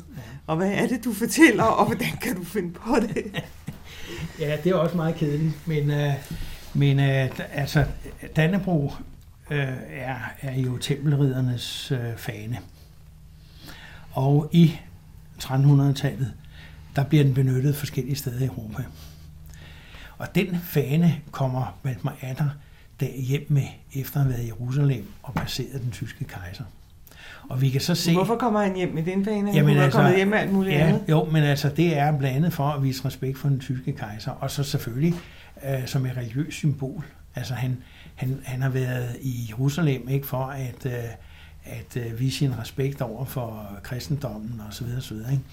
Og øh, derfor så passer det fuldstændig tråd med, at han, han optager altså en, en, en kristen fane. Hvad havde vi inden da? Jamen, der havde, øh, havde vi forskellige banner, og, og blandt andet det der ravne banner, siger man under vikingetiden. Ikke? Men der har, været, øh, der har været nogle flag med blandt andet løverne på og sådan noget. Men det var meget bestemt af de enkelte konger. Men det vil sige, at det, det er omkring 120 ja. år. Ja. Vi mener, vi vores flag er 120 år ældre, end det i virkeligheden er. Ja, og det er det altså faktisk ikke, fordi vi har ikke, vi har ikke til dato fundet en, nogen som helst hverken øh, beretning, altså samtidig beretning, eller samtidig visning, altså bevis på, at vi har haft det flag. Før, fra 1340'erne, så begynder det, og så kan vi se, at det bliver både gengivet som Danmarks flag i, i europæiske våbenbøger, som det hedder. Der bliver lavet sådan nogle fortegnelser over, for man kan skille de forskellige lande og alt sådan noget. Ikke? Og så begynder det at blive benyttet som kongens øh, flag, og det kan vi se øh, Øh, helt op til, altså gennem 1400-tallet, der anvender man der til søs i høj grad. Der er der masser af afbindinger med skibe med Dannebro på, men det er fra 1400-tallet. Og så er det, du stiller selvfølgelig det naturlige spørgsmål, jamen hvorfor har vi så det der med 1219? Jo, i 1520'erne, 1520'erne, der er der nogen, der sidder og skriver en krønike om de danskes øh, gøren og laden. Og øh, der fortæller de om et slag ved, ved Tallinn. i 1219, og øh, der fortæller sig så den historie, at man, man øh, havde fået et flag inden, måske fra paven, eller, eller måske det, det har man haft teori om. Men øh, under det der slag, som man, man udøver for at tage over om kristne, de der forfærdelige hedninge, der boede derovre, øh, hvor man er lige ved at tabe, og så har de en biskop med, og han, øh, han, han står op på sådan en høj, og når han løfter armene, så vinder danskerne frem, og når han er blevet træt, så øh, taber de, og derfor så stø- understøtter de hans arme, og, og pludselig midt i det hele, så falder der et flag ned. Og det vil du godt pille fra os. Den fantastiske myte. Desværre, ikke? Og så øh, og, og det, det, det er der så nogen, der, der finder på at beskrive i 1520'erne, og det er der, vi har det fra. Og der er det altså, der skal vi jo så retfærdigvis også sige, at denne skildring, øh, det er jo en, en vandrehistorie i virkeligheden, fordi den, den, den optræder hos adskillige folk. Altså under det byzantinske rige, der var efterkommerne af, af Romeriet, der, der vinder de også en sejr, og det gør de ved, at øh, han der Konstantin med Konstantinopel, han ser pludselig et, et stort tegn op i himlen, hvor der står IHS på. Og det øh, medfører så, at de får sejr. Og, øh, Det ene udelukker vel ikke det andet. De... Nej, nej, og svenskerne de har en lignende tradition, den tror jeg nok, de bare har hugget for os, ikke? med at der også under et slag, der falder der sådan en flag ned. Men der kan være faldet flag ned.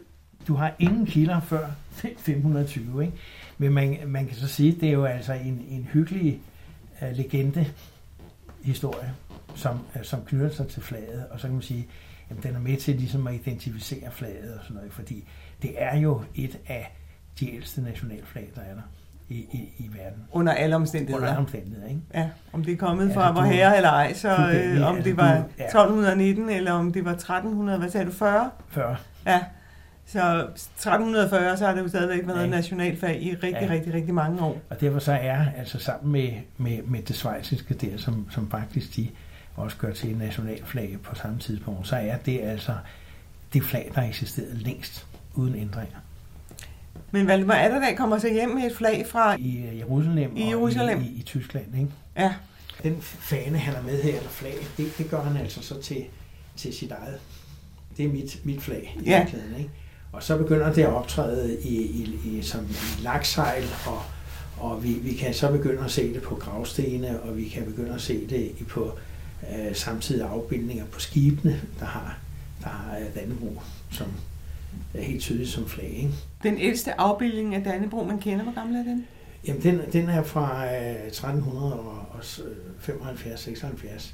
Og det er altså i en, en våbenbog fra 1300, nu skal jeg vise dig her. Det, er den ældste kendte fremstilling af Dannebro fra den nederlandske våbenbog Amorial Gælra fra 1370, der ligger fra 1370 til 85, det er derfor, jeg siger. Det er første gang, du overhovedet ser det der i dansk sammenhæng, hvor at det bliver kaldt danskernes våben. Og det du ligner kan- jo meget det Dannebro, vi har i dag. Det, det, er, altså, det er jo Dannebro, ikke? Jo, der var, man kan sige, de, de røde Ja, det- firkanter Det er, er blevet lidt større i dag, det er ikke? Men, men det er jo i princippet det, og det er faktisk det, det udvikler sig ud fra. Så her kommer Valdemar og siger, at det er mit flag, men Ja. ja. det er også det, der symboliserer det, alt det, som Ja, fordi jeg... kongen, det er det samme som landet, ikke? Altså dengang, der var der jo ikke nogen... Altså, kongens flag, det var landets flag, fordi der var ikke nogen andre, der måtte bruge det, det samme flag. Ikke? Ja, fordi så, så har du også fortalt mig, at det, det har jo været den royale kongeflag, del. ja. I, Men det, øh, det kan man sige, det er jo først, øh, når vi når frem til 1800-tallet, at andre end kongen bruger flaget. Altså staten og kongen, han er sagt statsmyndighederne. Ikke? Altså du kender stort set ikke nogen eksempler på, at man før 1800 som privat har brugt flaget. Undtagen på skibe naturligvis. er det kongen, der siger, nu må alle bruge det, eller er det folket, der siger, nu skal, vi det, nu, det nu skal det også være vores? Øh, det, det er mere eller mindre folket. Det er mere eller mindre folket, ikke? Altså på grund af en national stemning. Man ved, at kongen har det som markering. Og øh, da vi så når frem til, til slaget på Reden i 1801, øh, Øh, så er det jo øh, landets markering, og det bruger man altså simpelthen. Man, man begynder simpelthen at bruge det. Se, øh, vi har et maleri af C.A. Øh, Lorentzen fra lige begyndelsen af 1800-tallet. Og øh, der kan man altså se, der gengiver han den der legende fra, fra Tallinn, 1219, øh, 15. Øh, juni, og der ser man på maleriet, hvordan flaget pludselig kommer ned fra himlen. Og øh, det er altså med til, at øh, det begynder at blive brugt som også folkets symbol. Og det er folket, der siger, nu vil vi altså også have lov til, at øh, Ja, fordi det skal være man, hjemme man, hos man har jo en, en, øh, et behov for en, en markering, ikke? Og for eksempel, så er der altså, efter slaget på redden, der er der så en, en skuespiller, der hedder H.C. Knudsen. Han tager rundt og samler penge ind til de faldende og deres efterladte, og, øh, og sårede og så videre, så videre, ikke? Og han bruger altså simpelthen det der Dannebro. Han tager rundt og laver teaterforestillinger, hvor der øh, citeres øh, vers, og der bliver sunget og alt muligt, og alt det er simpelthen noget med Dannebro. Og derfor breder i derefter slaget på redden 1801 og 1807, hvor flåden er taget og så videre, ikke? der breder øh, brugen af Dannebro sig til private, til almindelige borgere. Og det er noget nyt. Det er noget nyt. Og så begynder det altså for fuld frøen faktisk at udvikle sig opad. Alle de der krige gør, at man gerne vil samles som et eller andet. Ja, og så, så kan man altså sige, at når så du oplever et maleri, der for eksempel viser en, en scene med troppernes hjemkomst fra den slesvigske krig af 48 til 50, som vi vandt, så kan vi jo altså fuldstændig se, hvordan at, øh, der er jo simpelthen tale om sådan en flag, flagorgasme, den her, ikke? Øh, du har på, på billedet, hvor der er flag overalt og alt muligt. Der begynder den at brede sig. Altså, vi kender det jo fra Sønderjylland, så der har det været voldsomt brugt, eller meget brugt. Der har det været meget brugt, og det er jo, det er jo klart i det øjeblik, at det, det vender frem. Øh, Og derfor så spillede det jo også en stor rolle, da Sønderjylland kom tilbage. Ikke? Og der udnævnte man jo så, man havde i forvejen Valmers, eller slaget i Tallinn 15. juni, som var knyttet til den der legende. Den brugte man jo så meget bevidst til også at gøre genforeningsdagen til genforeningsdagen. Så derfor altså, lod man kongen ride over på den dag, for at gøre det til genforeningsdagen. Ikke? Det var ikke fordi, at det var lige præcis på den dag, men altså, man, man benyttede bevidst det der. Og derfor har der jo siden den dag, der har der været sammenhæng mellem Valdmarsdag og genforeningsdagen, som man kalder den for Sønderjylland. Ikke? Så lad os lige tage det der med flagdage. Altså er der dage, man skal flage, eller øh, hvordan, øh, hvad regler er der omkring det? Ja, men der er der jo altså det er interessant igen ved, at, at du har altså militære flagdage, og den, de dækker øh, alle slag, store slag. Du har kirkelige flagdage, det vil sige Kristi Himmelfartsdag, langfredag, påskedag, for eksempel jule, juledag for eksempel osv. Ikke? Der flager man. Men der eksisterer altså ikke nogen andre flagdage, når der går uden for de kirkelige og de militære, undtagen den, der nu blev vedtaget for et par år siden, den 5. september. Som jo sådan set også er en militær dag, kan man sige. Det kan man godt, det kan man sådan set godt sige. Ikke? Og, og, men det, det er den første, der er vedtaget direkte i Folketinget. Og alle de andre flagdage, det er altså nogen, der er opstået, fordi man begyndte jo sådan, uh, genforeningsdagen, ikke? den blev så, ved at den blev knyttet til flaget, så de følgende år, så begyndte man i høj grad at markere, at, at nu var det altså et år siden, man havde fået Sønderland tilbage, nu var det to år siden osv., ikke? så flagede man på denne dag. Men i min kalender derhjemme, min årskalender, der er der ude for visse dage, der er der så et lille flag. Ja. Men øh, det, jeg kan være ligeglad med, om jeg flagrer den dag eller ej. Ja, det kan du sådan set, fordi det er jo ikke øh, påbudt som sådan, men det er en anvisning, kan man sige, der er opstået. Det er altså en tradition. Altså, jeg kan se, hvordan at, at det er først begyndt at rigtig at blive reguleret. Altså, hvis du tager tiden frem til 1940, så har der stort set kun været de militære flagdage, og så har der været øh, genforeningsdagen, og så var der for eksempel kongens fødselsdag. Øh, andet var der stort set ikke. Når vi så kommer om på den anden side af 2. verdenskrig, øh, så skriver politikken til hvem med, hvor de har sådan en side hvert år i starten. Og der kalder de det øh, flag- og, og mærkedage, tror jeg, de kalder det. Ikke? Og der skriver de så pludselig, at øh, den 9. april bør være flagdag. Den fremgår det der. Ikke? Og den 29. august. Og den 29. august? Og, ja, og det, og det første, de anfører på i politikvindene, hvor som alle havde dengang og rettede sig efter, der stod der 29. august, der skulle flaget være på halv indtil kl. 12. Og så skulle der være to minutter stillhed, og så skulle flaget på hel. Når du så går øh, 4-5 år længere frem, så var den der 29. august, den var blevet lagt for had øh, fordi det var noget med samarbejdspolitikken, og, og der var stor diskussion om, om det var rigtigt, og, og det var virkelig en, en, en læflen for de samarbejdspolitikere, der havde været historikere hernede.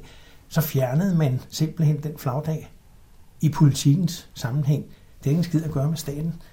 Men man fjerner simpelthen fra den liste der, jeg tror det sker 1952, der fjerner man den, og så flytter man, så flytter man øh, den der med flaget på halv, efter man har fuldstændig afskaffet 29. august, der eksisterede de første år efter 1945, så, så flytter man den til 9. april. Og først der, der indfører man, at 9. april, det bliver en dag, hvor at, at flaget kommer på halv til kl. 12, og så er der helt resten af dagen. Ikke? Og det er virkelig ganske ulogisk, fordi det var velegnet den 29. august, hvor man kan sige, at vi havde øh, flaget det på halv fra, fra 1940 til 43, hvor vi var besat. Ikke? Så begyndte vi at gøre modstand, så satte vi flaget på helt. Så det var meget velegnet til det, ikke? Men hvorfor at der flages på halv den 9.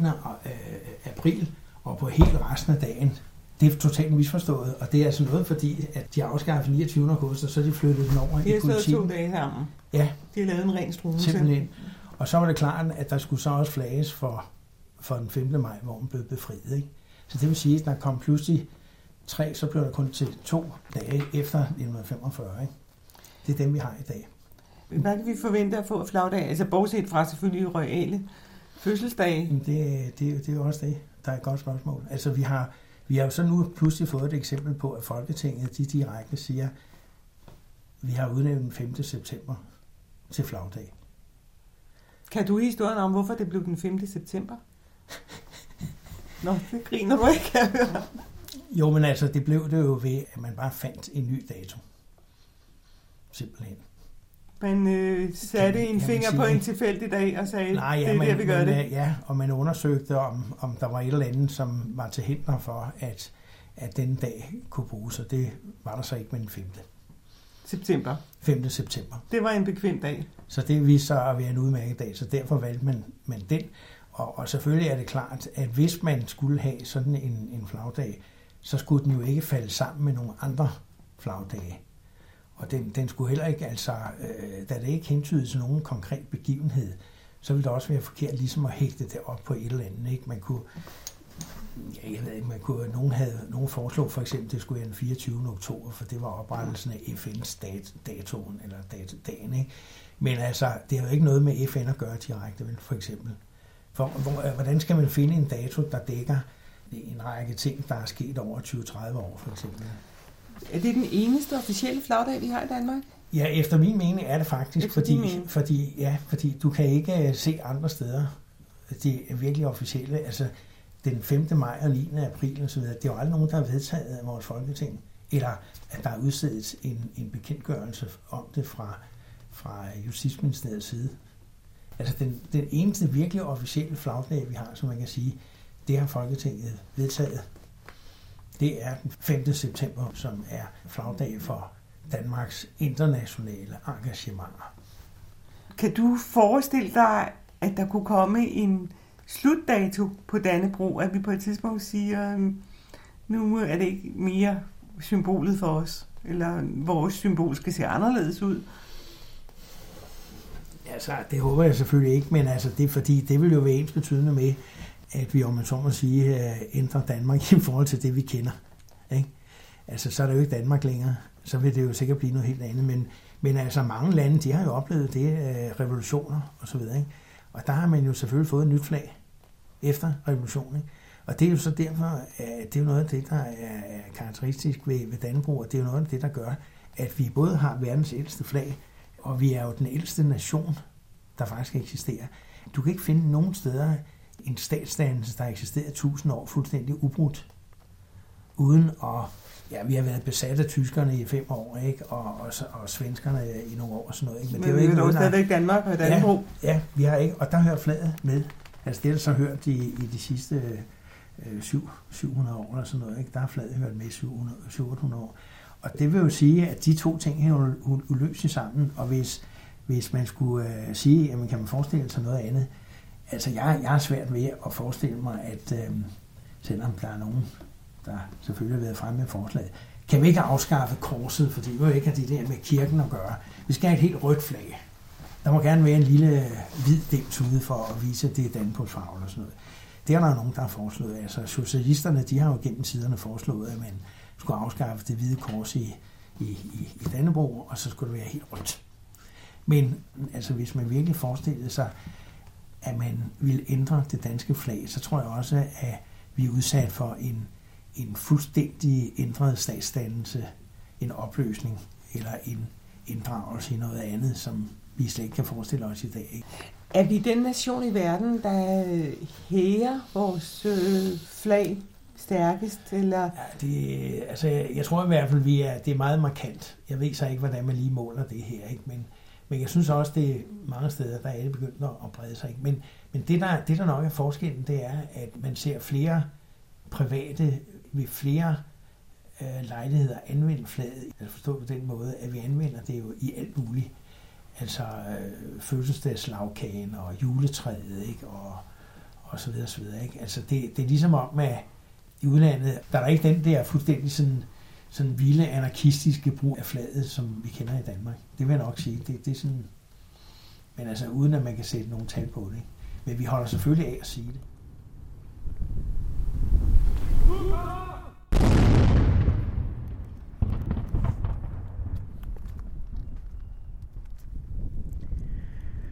Kanonslaget, vi hørte til sidst, kom fra batteriet på Sixtus Bastionen, hvor der to gange dagligt, året rundt om morgen kl. 8 og igen ved solnedgang, bliver skudt med løst krudt for at markere, at nu er flaget Dannebro hejst, eller når det tages ned for natten. Udsendelsen var tilrettelagt af Pia Koppelmann. Journalistik på den klassiske måde. Den anden radio. Nu skal vi høre tredje udsendelse af Christian Brød Thomsens og Erik Kramshøjs portræt af Bob Dylan. Vi skal høre om Dylans mange facetter, lige fra udnævnelsen til æresdoktor på Eliteuniversitetet Princeton til hans korte karriere som singleudgiver. I denne uge er det Erik Kramshøj, der fortæller. Oh, the benches were stained with tears and perspiration. The birdies were flying from tree to tree. There was little to say, no conversation. As I step to the stage to pick up my degree, and the locust sang off in the distance, yeah. The locust sang such a sweet melody.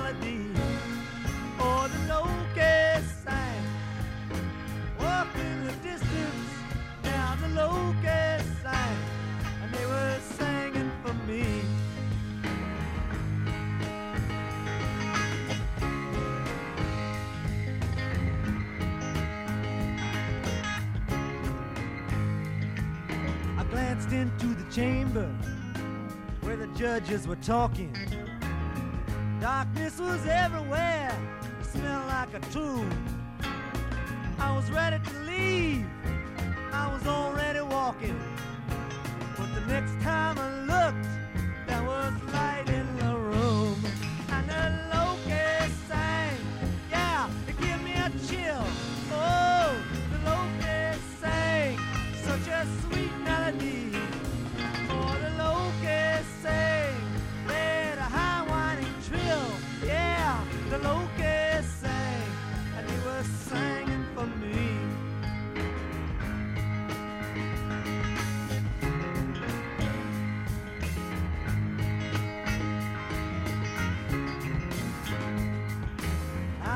Outside of the gates, trucks were unloading.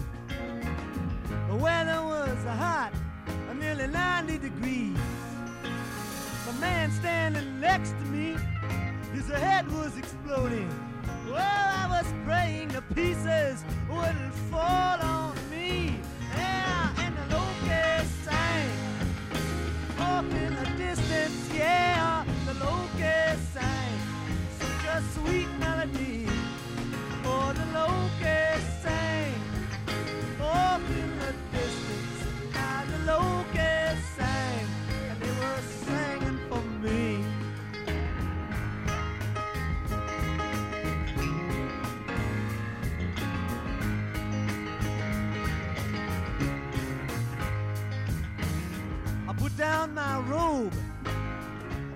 my diploma, took a hold of my sweetheart, and away we did drive. Straight for the hills, Black Hills of Dakota. Sure was glad to get out of that life,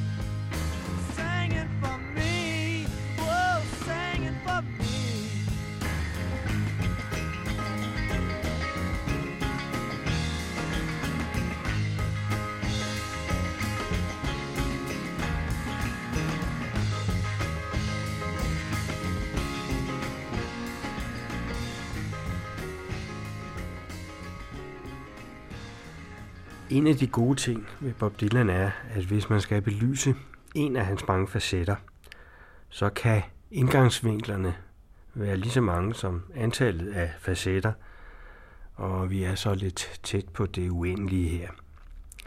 Day of the Locusts er en sang fra albumet New Morning fra 1971, og den beskriver hans situation i forbindelse med modtagelsen af æresdoktorgraden fra Princeton University i New Jersey, USA. Bob Dylan var på det tidspunkt på et kunstnerisk lavpunkt med en produktivitet, som nærmest var i genbrugets navn, og med et frivilligt eksil i familiens skød, efter den sidste halvdel af 60'ernes store turbulens. Og det var fra universitetets side så nærmest en slags æresbevisning for en 29-årig, som måske allerede havde fået gjort sit. Efter sigende var modtagelsen af prisen lidt af en farse med en noget mildestalt afmålt Bob Dylan som modtager, og øh, som formentlig nok ville have været udvandret ved den smukt svungne hyldestale med bemærkningen om, at han var et talerør for sin generation. Lige i halen på de år, hvor han havde gjort alt, hvad der stod i hans efterhånden ikke så ringe magt, for at overbevise Gud og hver mand om, at han ikke var talsmand for nogen som helst, knap nok for sig selv. Ikke desto mindre kom der en sang ud af begivenheden, og Day of the Locust var så også en af de bedre fra en ellers noget tør periode, nærmest en markering af, at han var på vej tilbage igen på sine egne betingelser.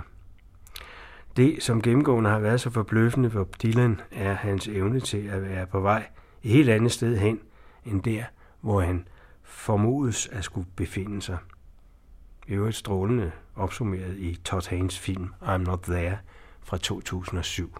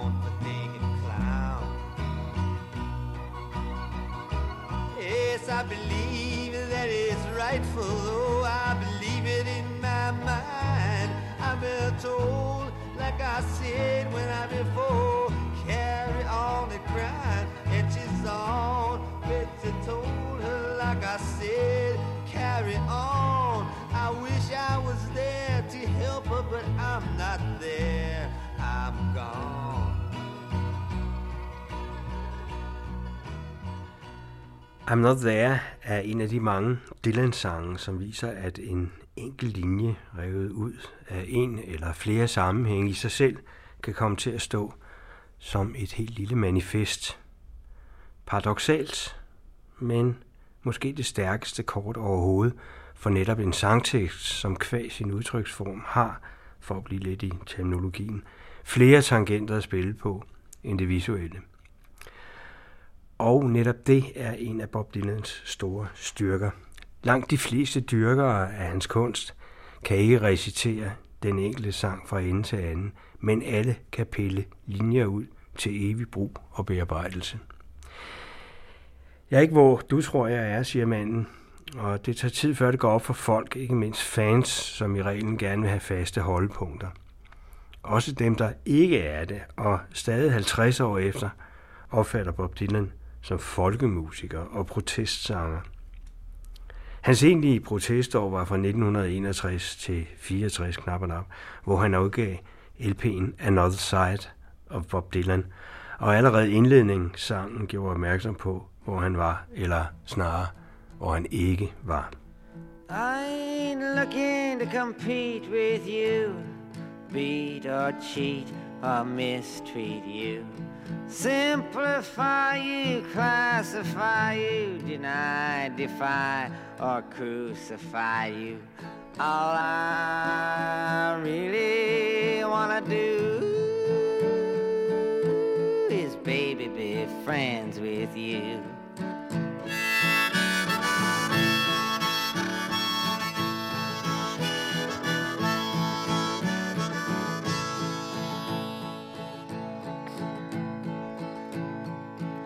Knowing I ain't looking to fight with you, frighten you or uptighten you, drag you down or drain you down, chain you down or bring you down. All I really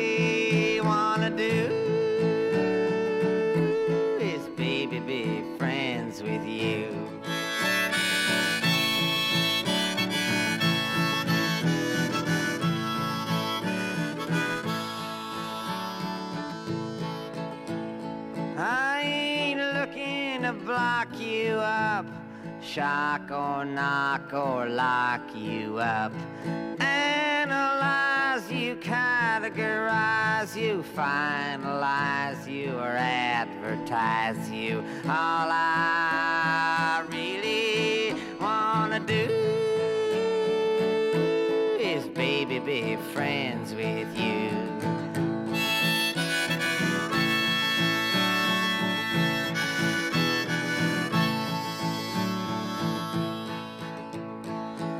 I don't wanna straight face you, race or chase you, track or trace you, or disgrace you, or displace you, or define you, or confine you. All I really wanna do is baby be friends with you.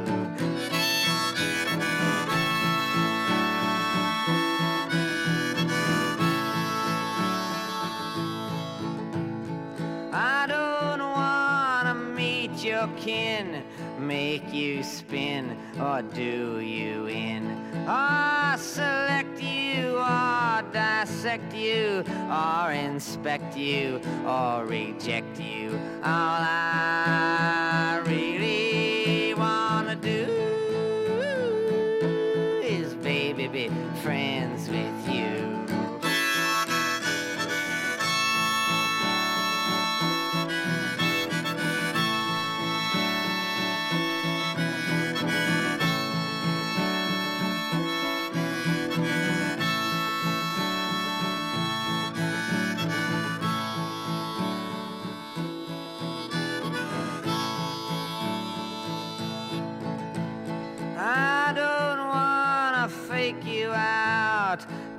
take or shake or forsake you out.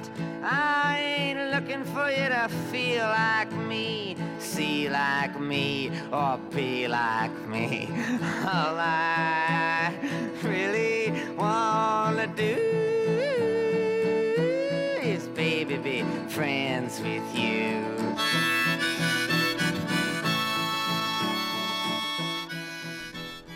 Bortset fra med sine topical songs, eller, og, eller kan man sige, protestsange, så er All I Really Wanna Do en af de Dylan-sange med det mest regelrette budskab.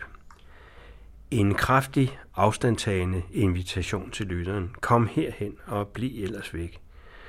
Dylan var med Another Side på vej mod nye mangler på mål, og blev på en paradoxal måde samtidig mere tilgængelig end før. Bredere på en eller anden måde i sin grundlæggelse af begrebet folkrock, defineret primært af The Birds, som i punchlinen på My Back Pages gør det klart, hvad der er grunden til, at forfatteren ikke er der.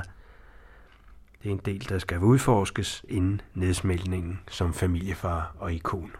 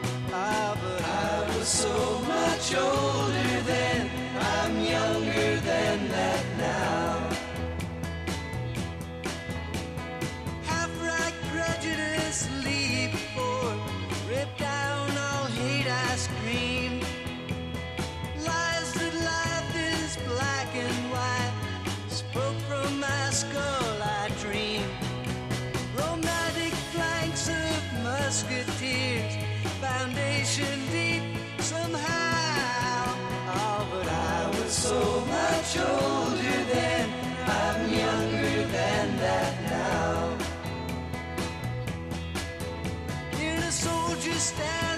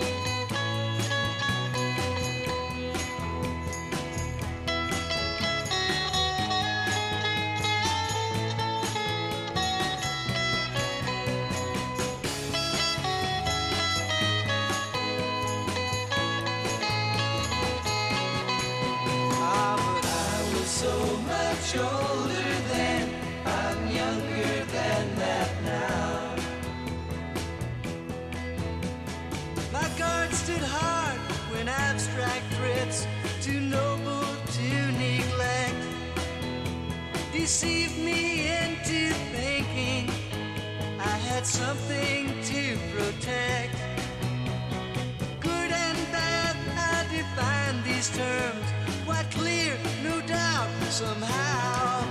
Ah, but I was so much older then, I'm younger than that now.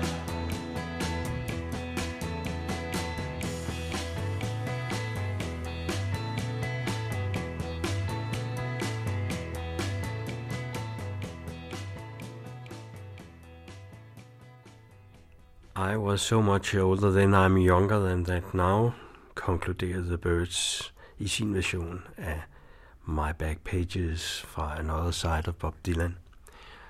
I 1964 gjorde Dylan altså allerede op med det firkantede i hans tidligere sange.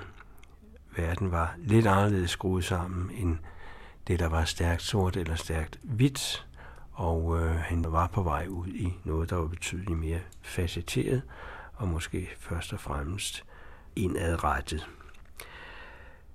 Det kom til at betyde temmelig meget for hans produktion de kommende år. Men det kom også til at, at betyde noget rent musikalsk. Det er værd at lige at få indskudt, at hans melodier i den her tid bliver mere i ørefaldende og poppet, og ikke er så påvirket af de traditionelle sange som tidligere.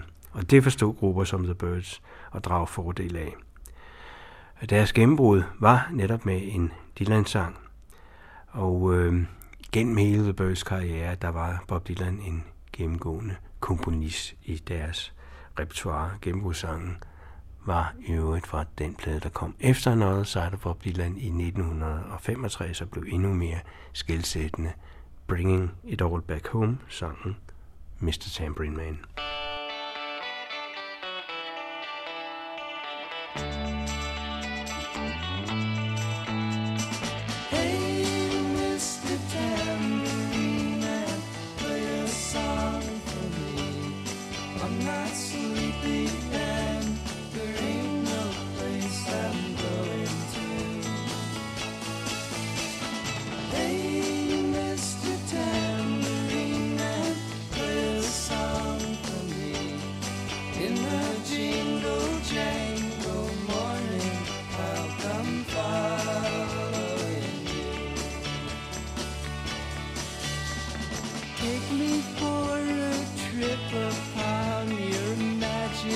Swirling ship. All my senses have been stripped, and my hands can't feel to grip, and my toes too numb to step. Wait only for my boot heels to be wandering. I'm ready to go anywhere. I'm ready for to fade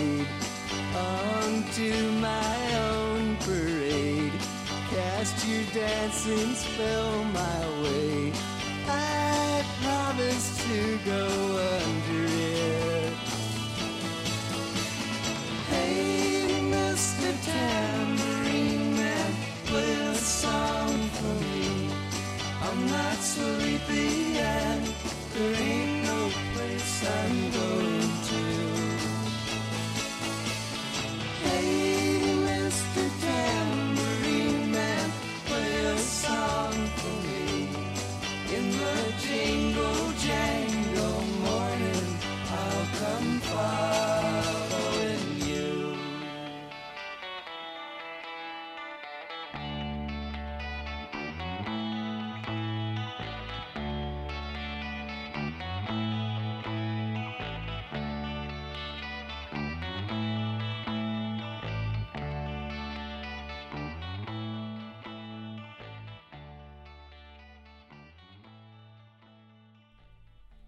Det var i maj måned 1965, at The Birds brød igennem med Mr. Tambourine Man.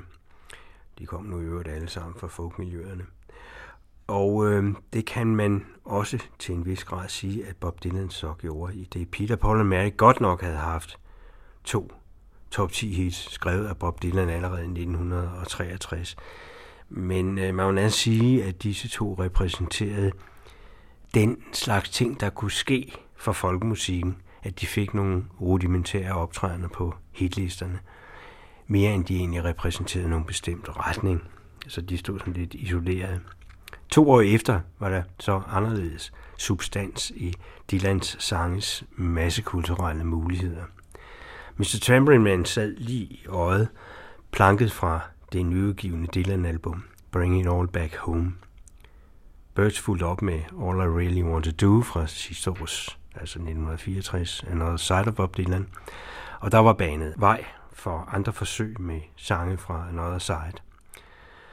Der blev leveret en hel del fortolkninger i løbet af 1965, både af All I Really Want To Do og It Ain't Me Babe. Og en af de mest kommercielle, lukrative og ført melodiøst velegnede til fremkommelige vokale arrangementer var It Ain't Me Babe. Gruppen The Turtles, ligesom The Birds, kendt for et stærkt vokalarbejde, fik også deres gennembrud med en Dylan-sang i sommeren 1965, og det var It Ain't Me Babe. Go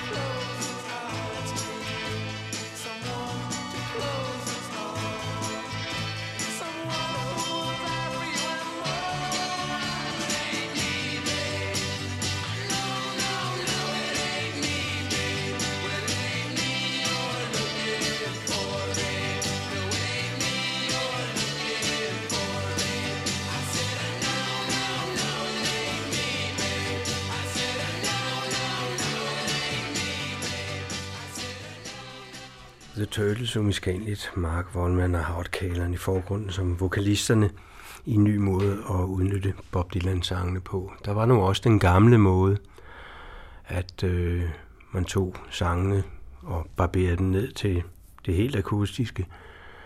Øh, en af de bedste til det havde altid været Joan Baez, og hun forsøgte sig stadig. Men til trods for i 1965, at folk-musikken var godt inde over, så var det altså folk-rocken, og det betød, at til trods for, at hun lavede en meget smuk indspilning af en af sangene fra Bring It All Back Home, den nye øh, LP, som Bob Dylan havde lavet, så blev den ikke noget hit. Til gengæld lød den jo godt, og det gjorde hendes version af hans sang. Jo, It's All Over Now, Baby Blue. You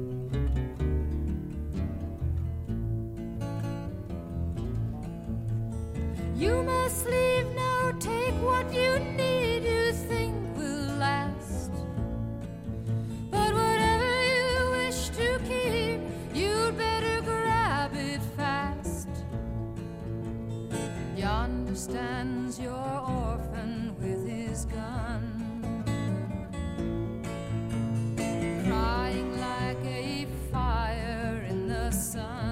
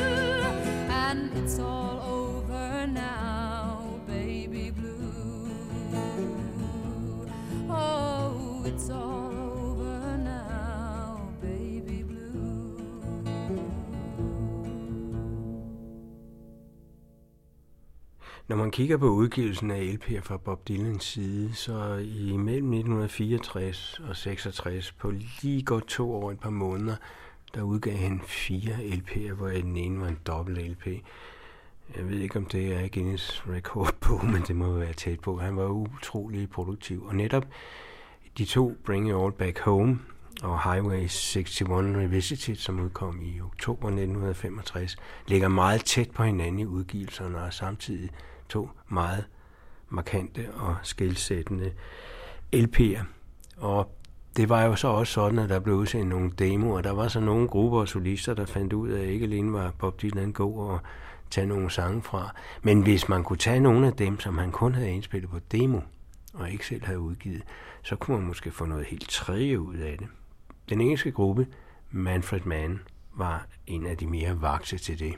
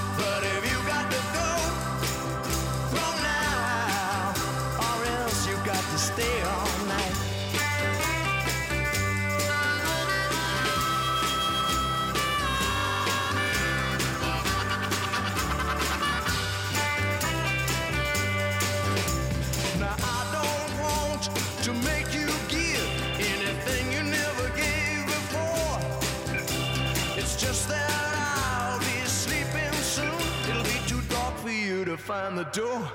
But if you got to go,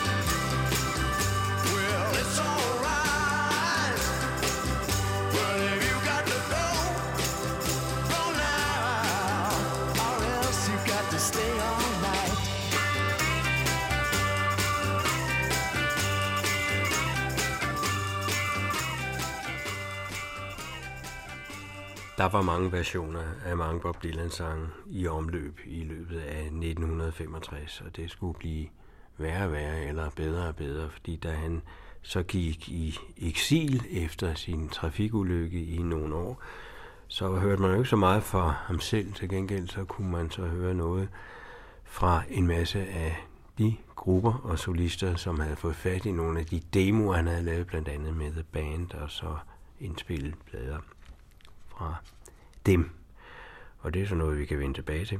Men øh, nu vil jeg vende tilbage til Bob Dylan selv, fordi nu har vi hørt nogle andre kunstnere. Og det var altså sådan, at der var en masse af de sange, der var i omløb, og et af Me Babe, det blev også et hit med Johnny Cash, og blev indspillet af øh, en gruppe som The Monkees, øh, eller også var det en af medlemmerne fra The Monkees, det kan jeg ikke helt huske. Cher havde stor fornøjelse af All I Really Want To Do. Så øhm, man skulle så tro, at der blev gjort stærkt indhug i de nye LP'er af de sultne kollegaer, men det var egentlig ret begrænset med Highway 61, øh, fordi at manden selv trådte ind på singlescenen med fuld rockforstærkning og en udgave af en sang, som på alle måder ville give en hvilken som helst udgave af samme sang et eftertrykkeligt baghjul.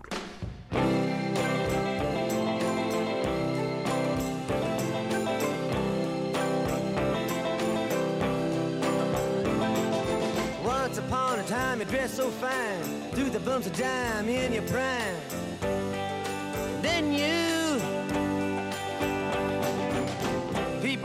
Say, beware, doll, you're bound to fall. You thought they were all kidding you. You used to laugh about everybody that was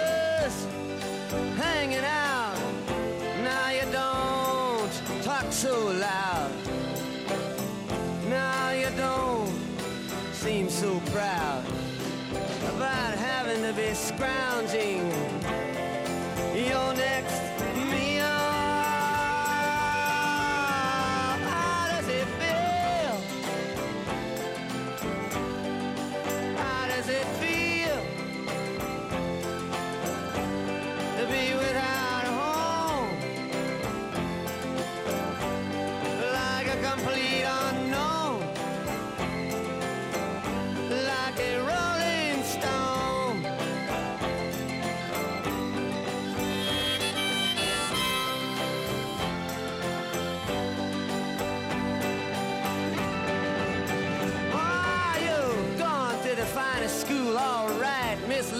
you know you only used to get juiced in it. Nobody's ever taught you how to live out on the street, and now you're gonna have to get used to it. You say you never compromise with a mystery tramp,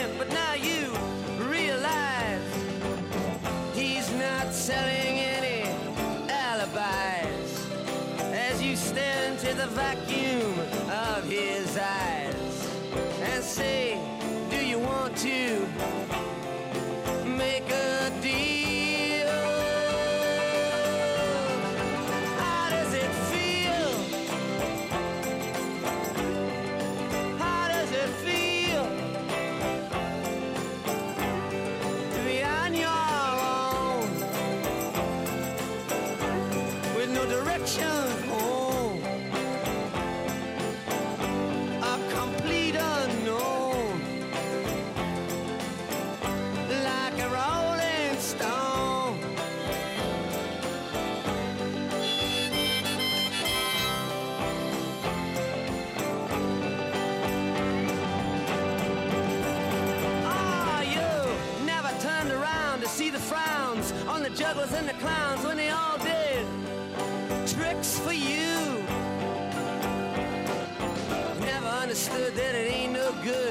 shouldn't let other people get your kicks for you. You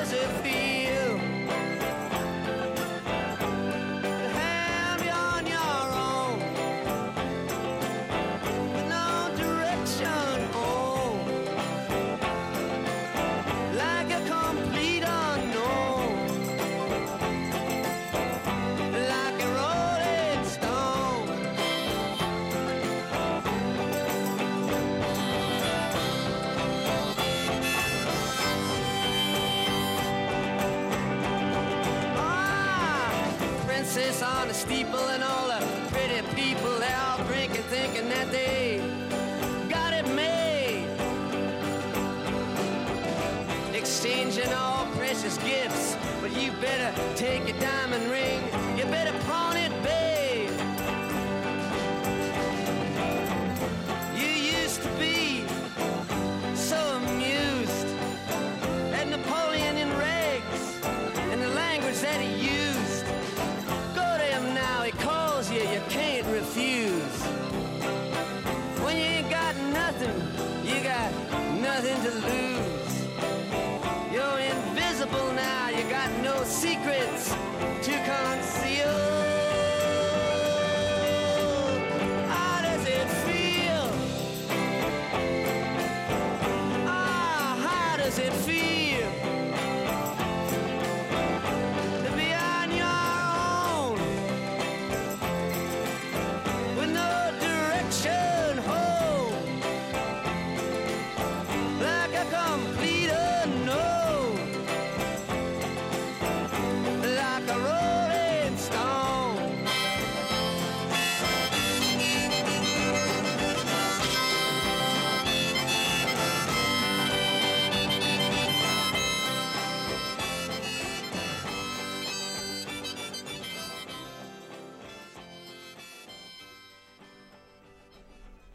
Serien om Bob Dylan er tilrettelagt af Christian Brød Thomsen og Erik Kramshøj.